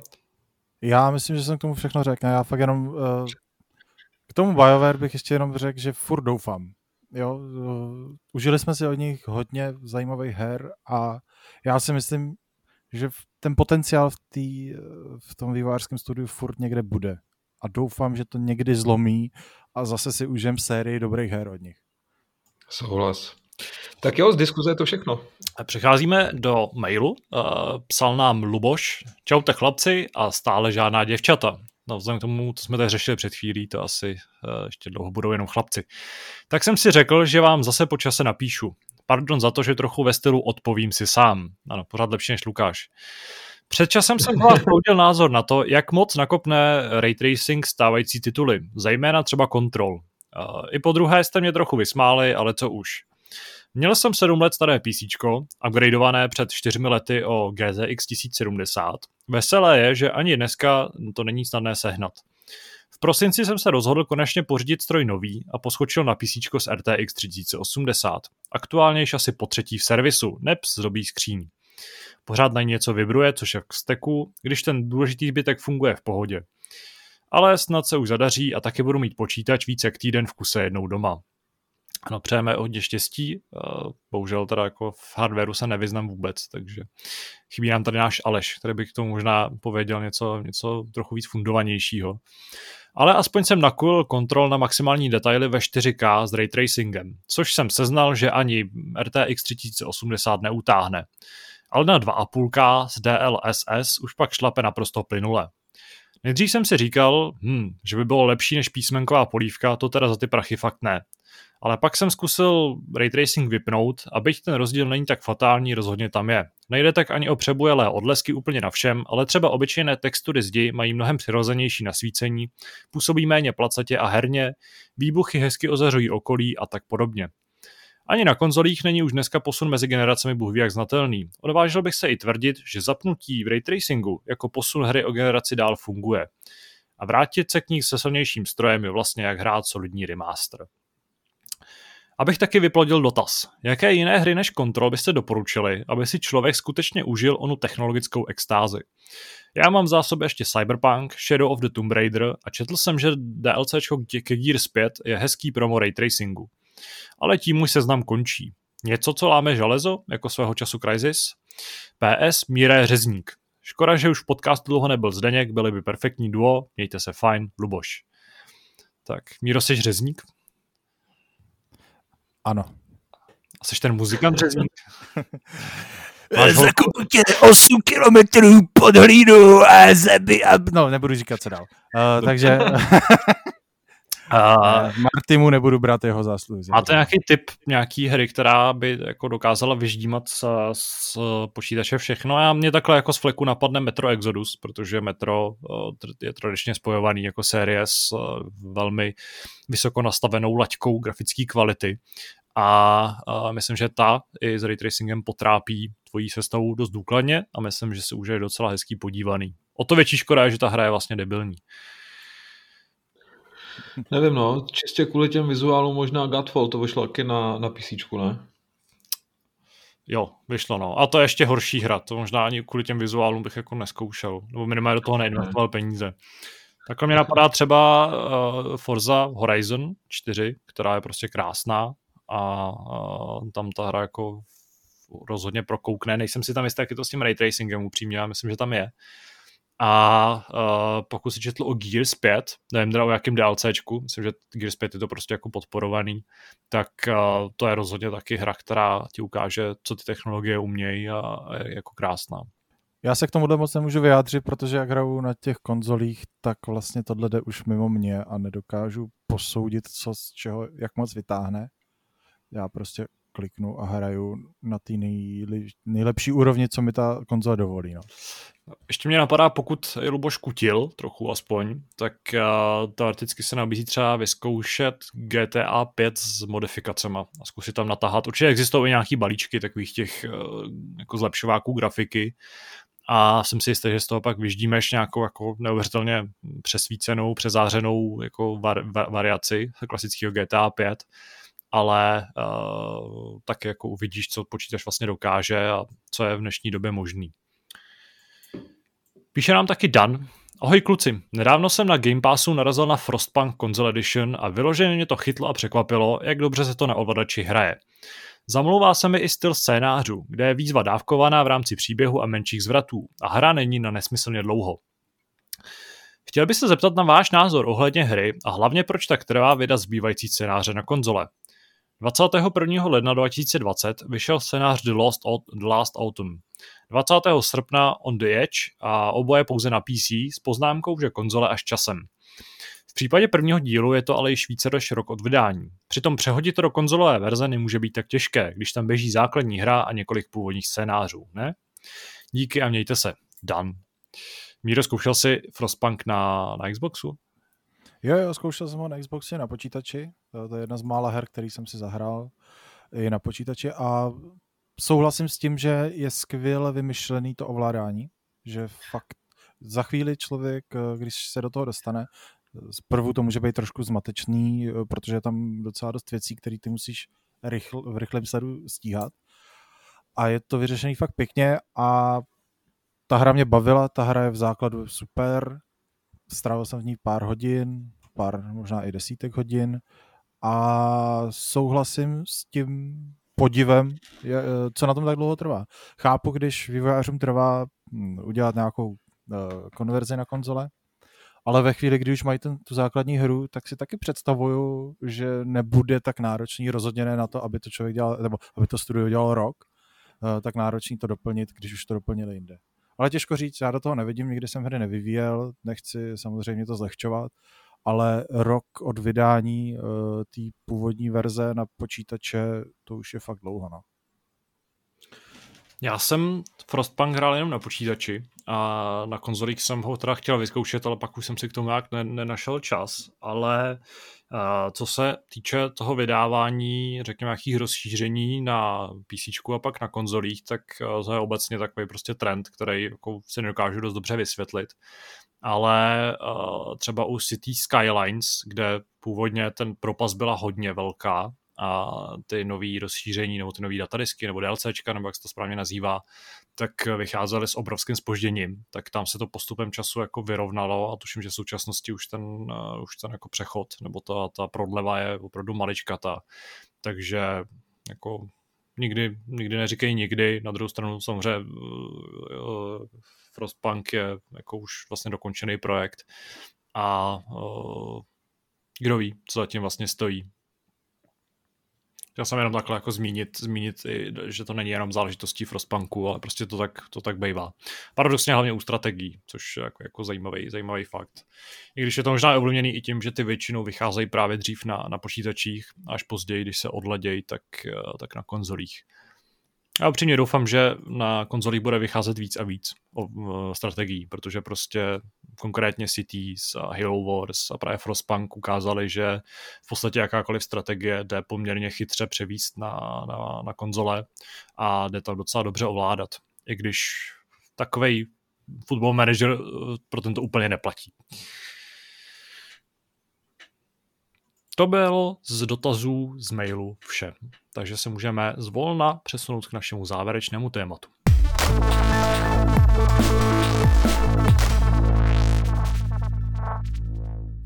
Posledním tématem, jako již tradičně, je naše retrospektiva toho nejlepšího nebo nejhoršího, co jsme za poslední týden eh, nebo nějakou o něco další dobu zažili.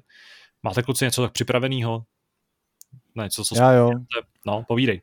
Mně se stala ošklivá událost a myslím, že zasáhla eh, víc lidí než mě. A tím je konec lomeno rozpad Daft Punku. Eh, tahle ta francouzská dvojička, která fungovala někdy od roku 93, vydala videjko s názvem Epilog, kde se rozloučila fanoušky svým osobitým způsobem a teď už bude každý svojí cestou. Eh, lidi čekali dlouho na nějaký další studiový album a vypadá to, že už fakt nepřijde. Těžko říct, samozřejmě u těchto těch rozpadů to bývá všelijaký, ale, ale zrovna oni nejsou klasická kapela nebo klasický uskupení, takže myslím, že je to, eh, že je to fakt tak, jak to vyhlásili. A mrzí mě to, protože třeba Random Access Memories je u mě jednoduše zařaditelný jako třeba do top pěti, možná top tří alb, co, co mám jako uh, rád.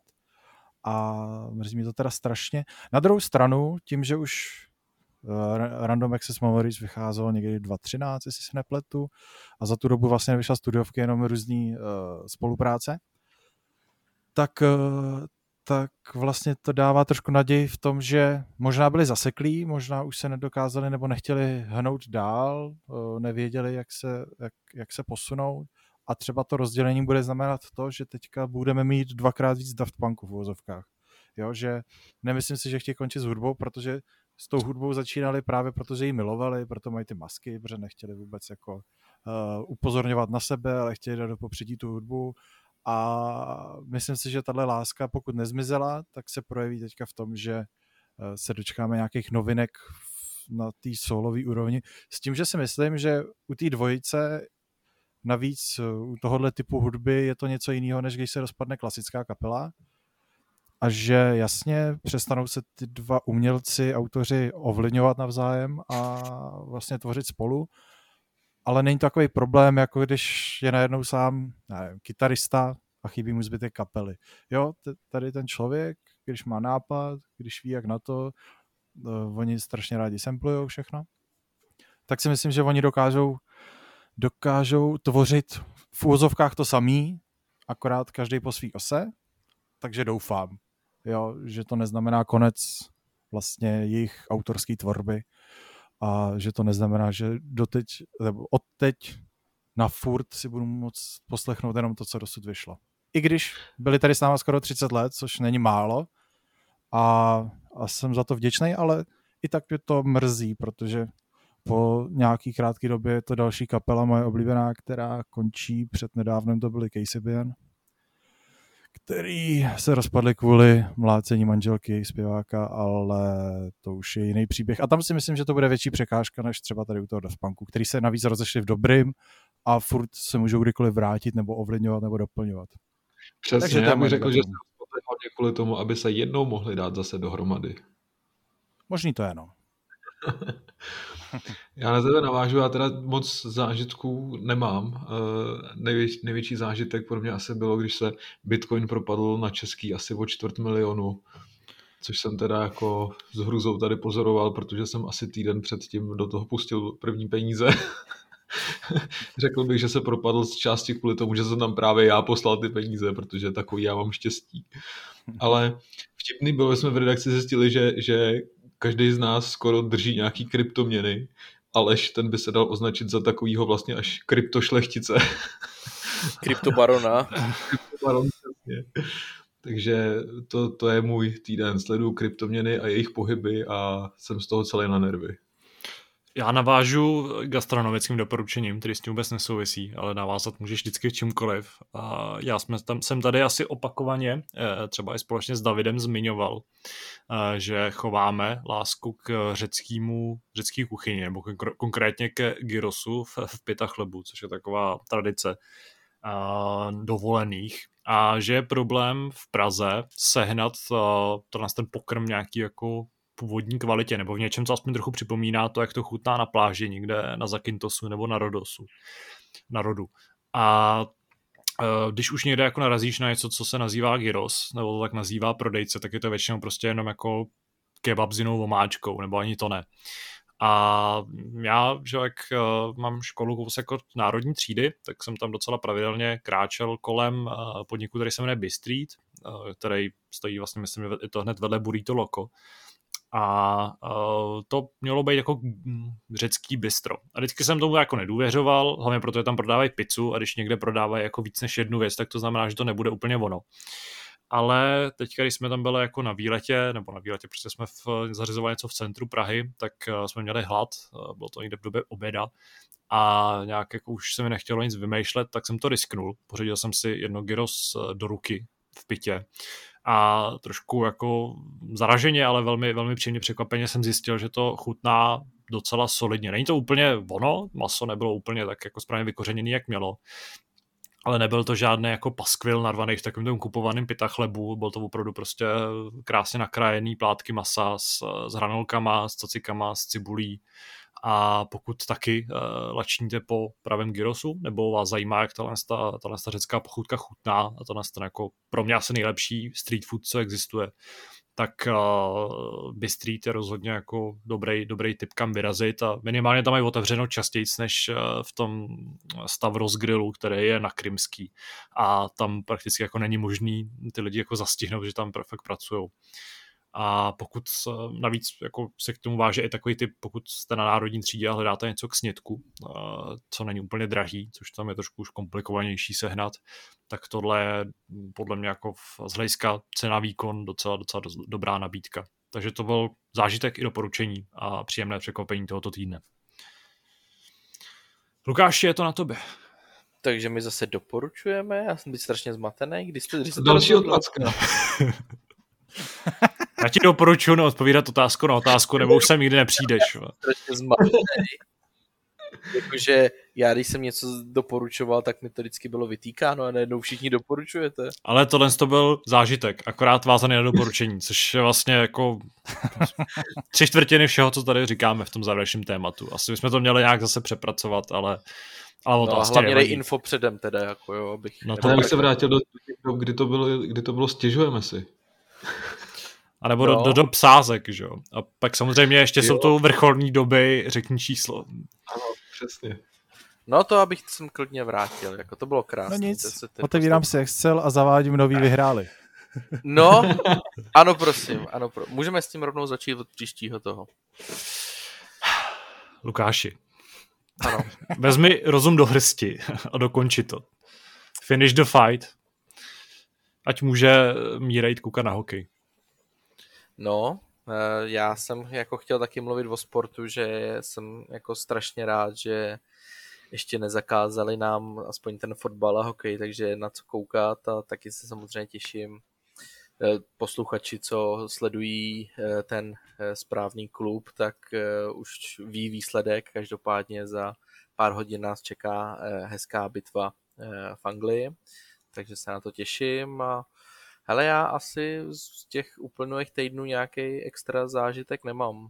Nic mě nenapadá nic, co bych jako přidal poselství, takže já přidám jenom takové poselství, že eh, zůstaňte zdraví a ať, tyhle, ať tady ta šílená situace skončí co nejrychleji, protože by bylo fajn mít nové hry v eh, datumu, kdy by měly vycházet a nové filmy, aby šly do kina, aby se otevřely kina, měli jsme na co chodit a koukat.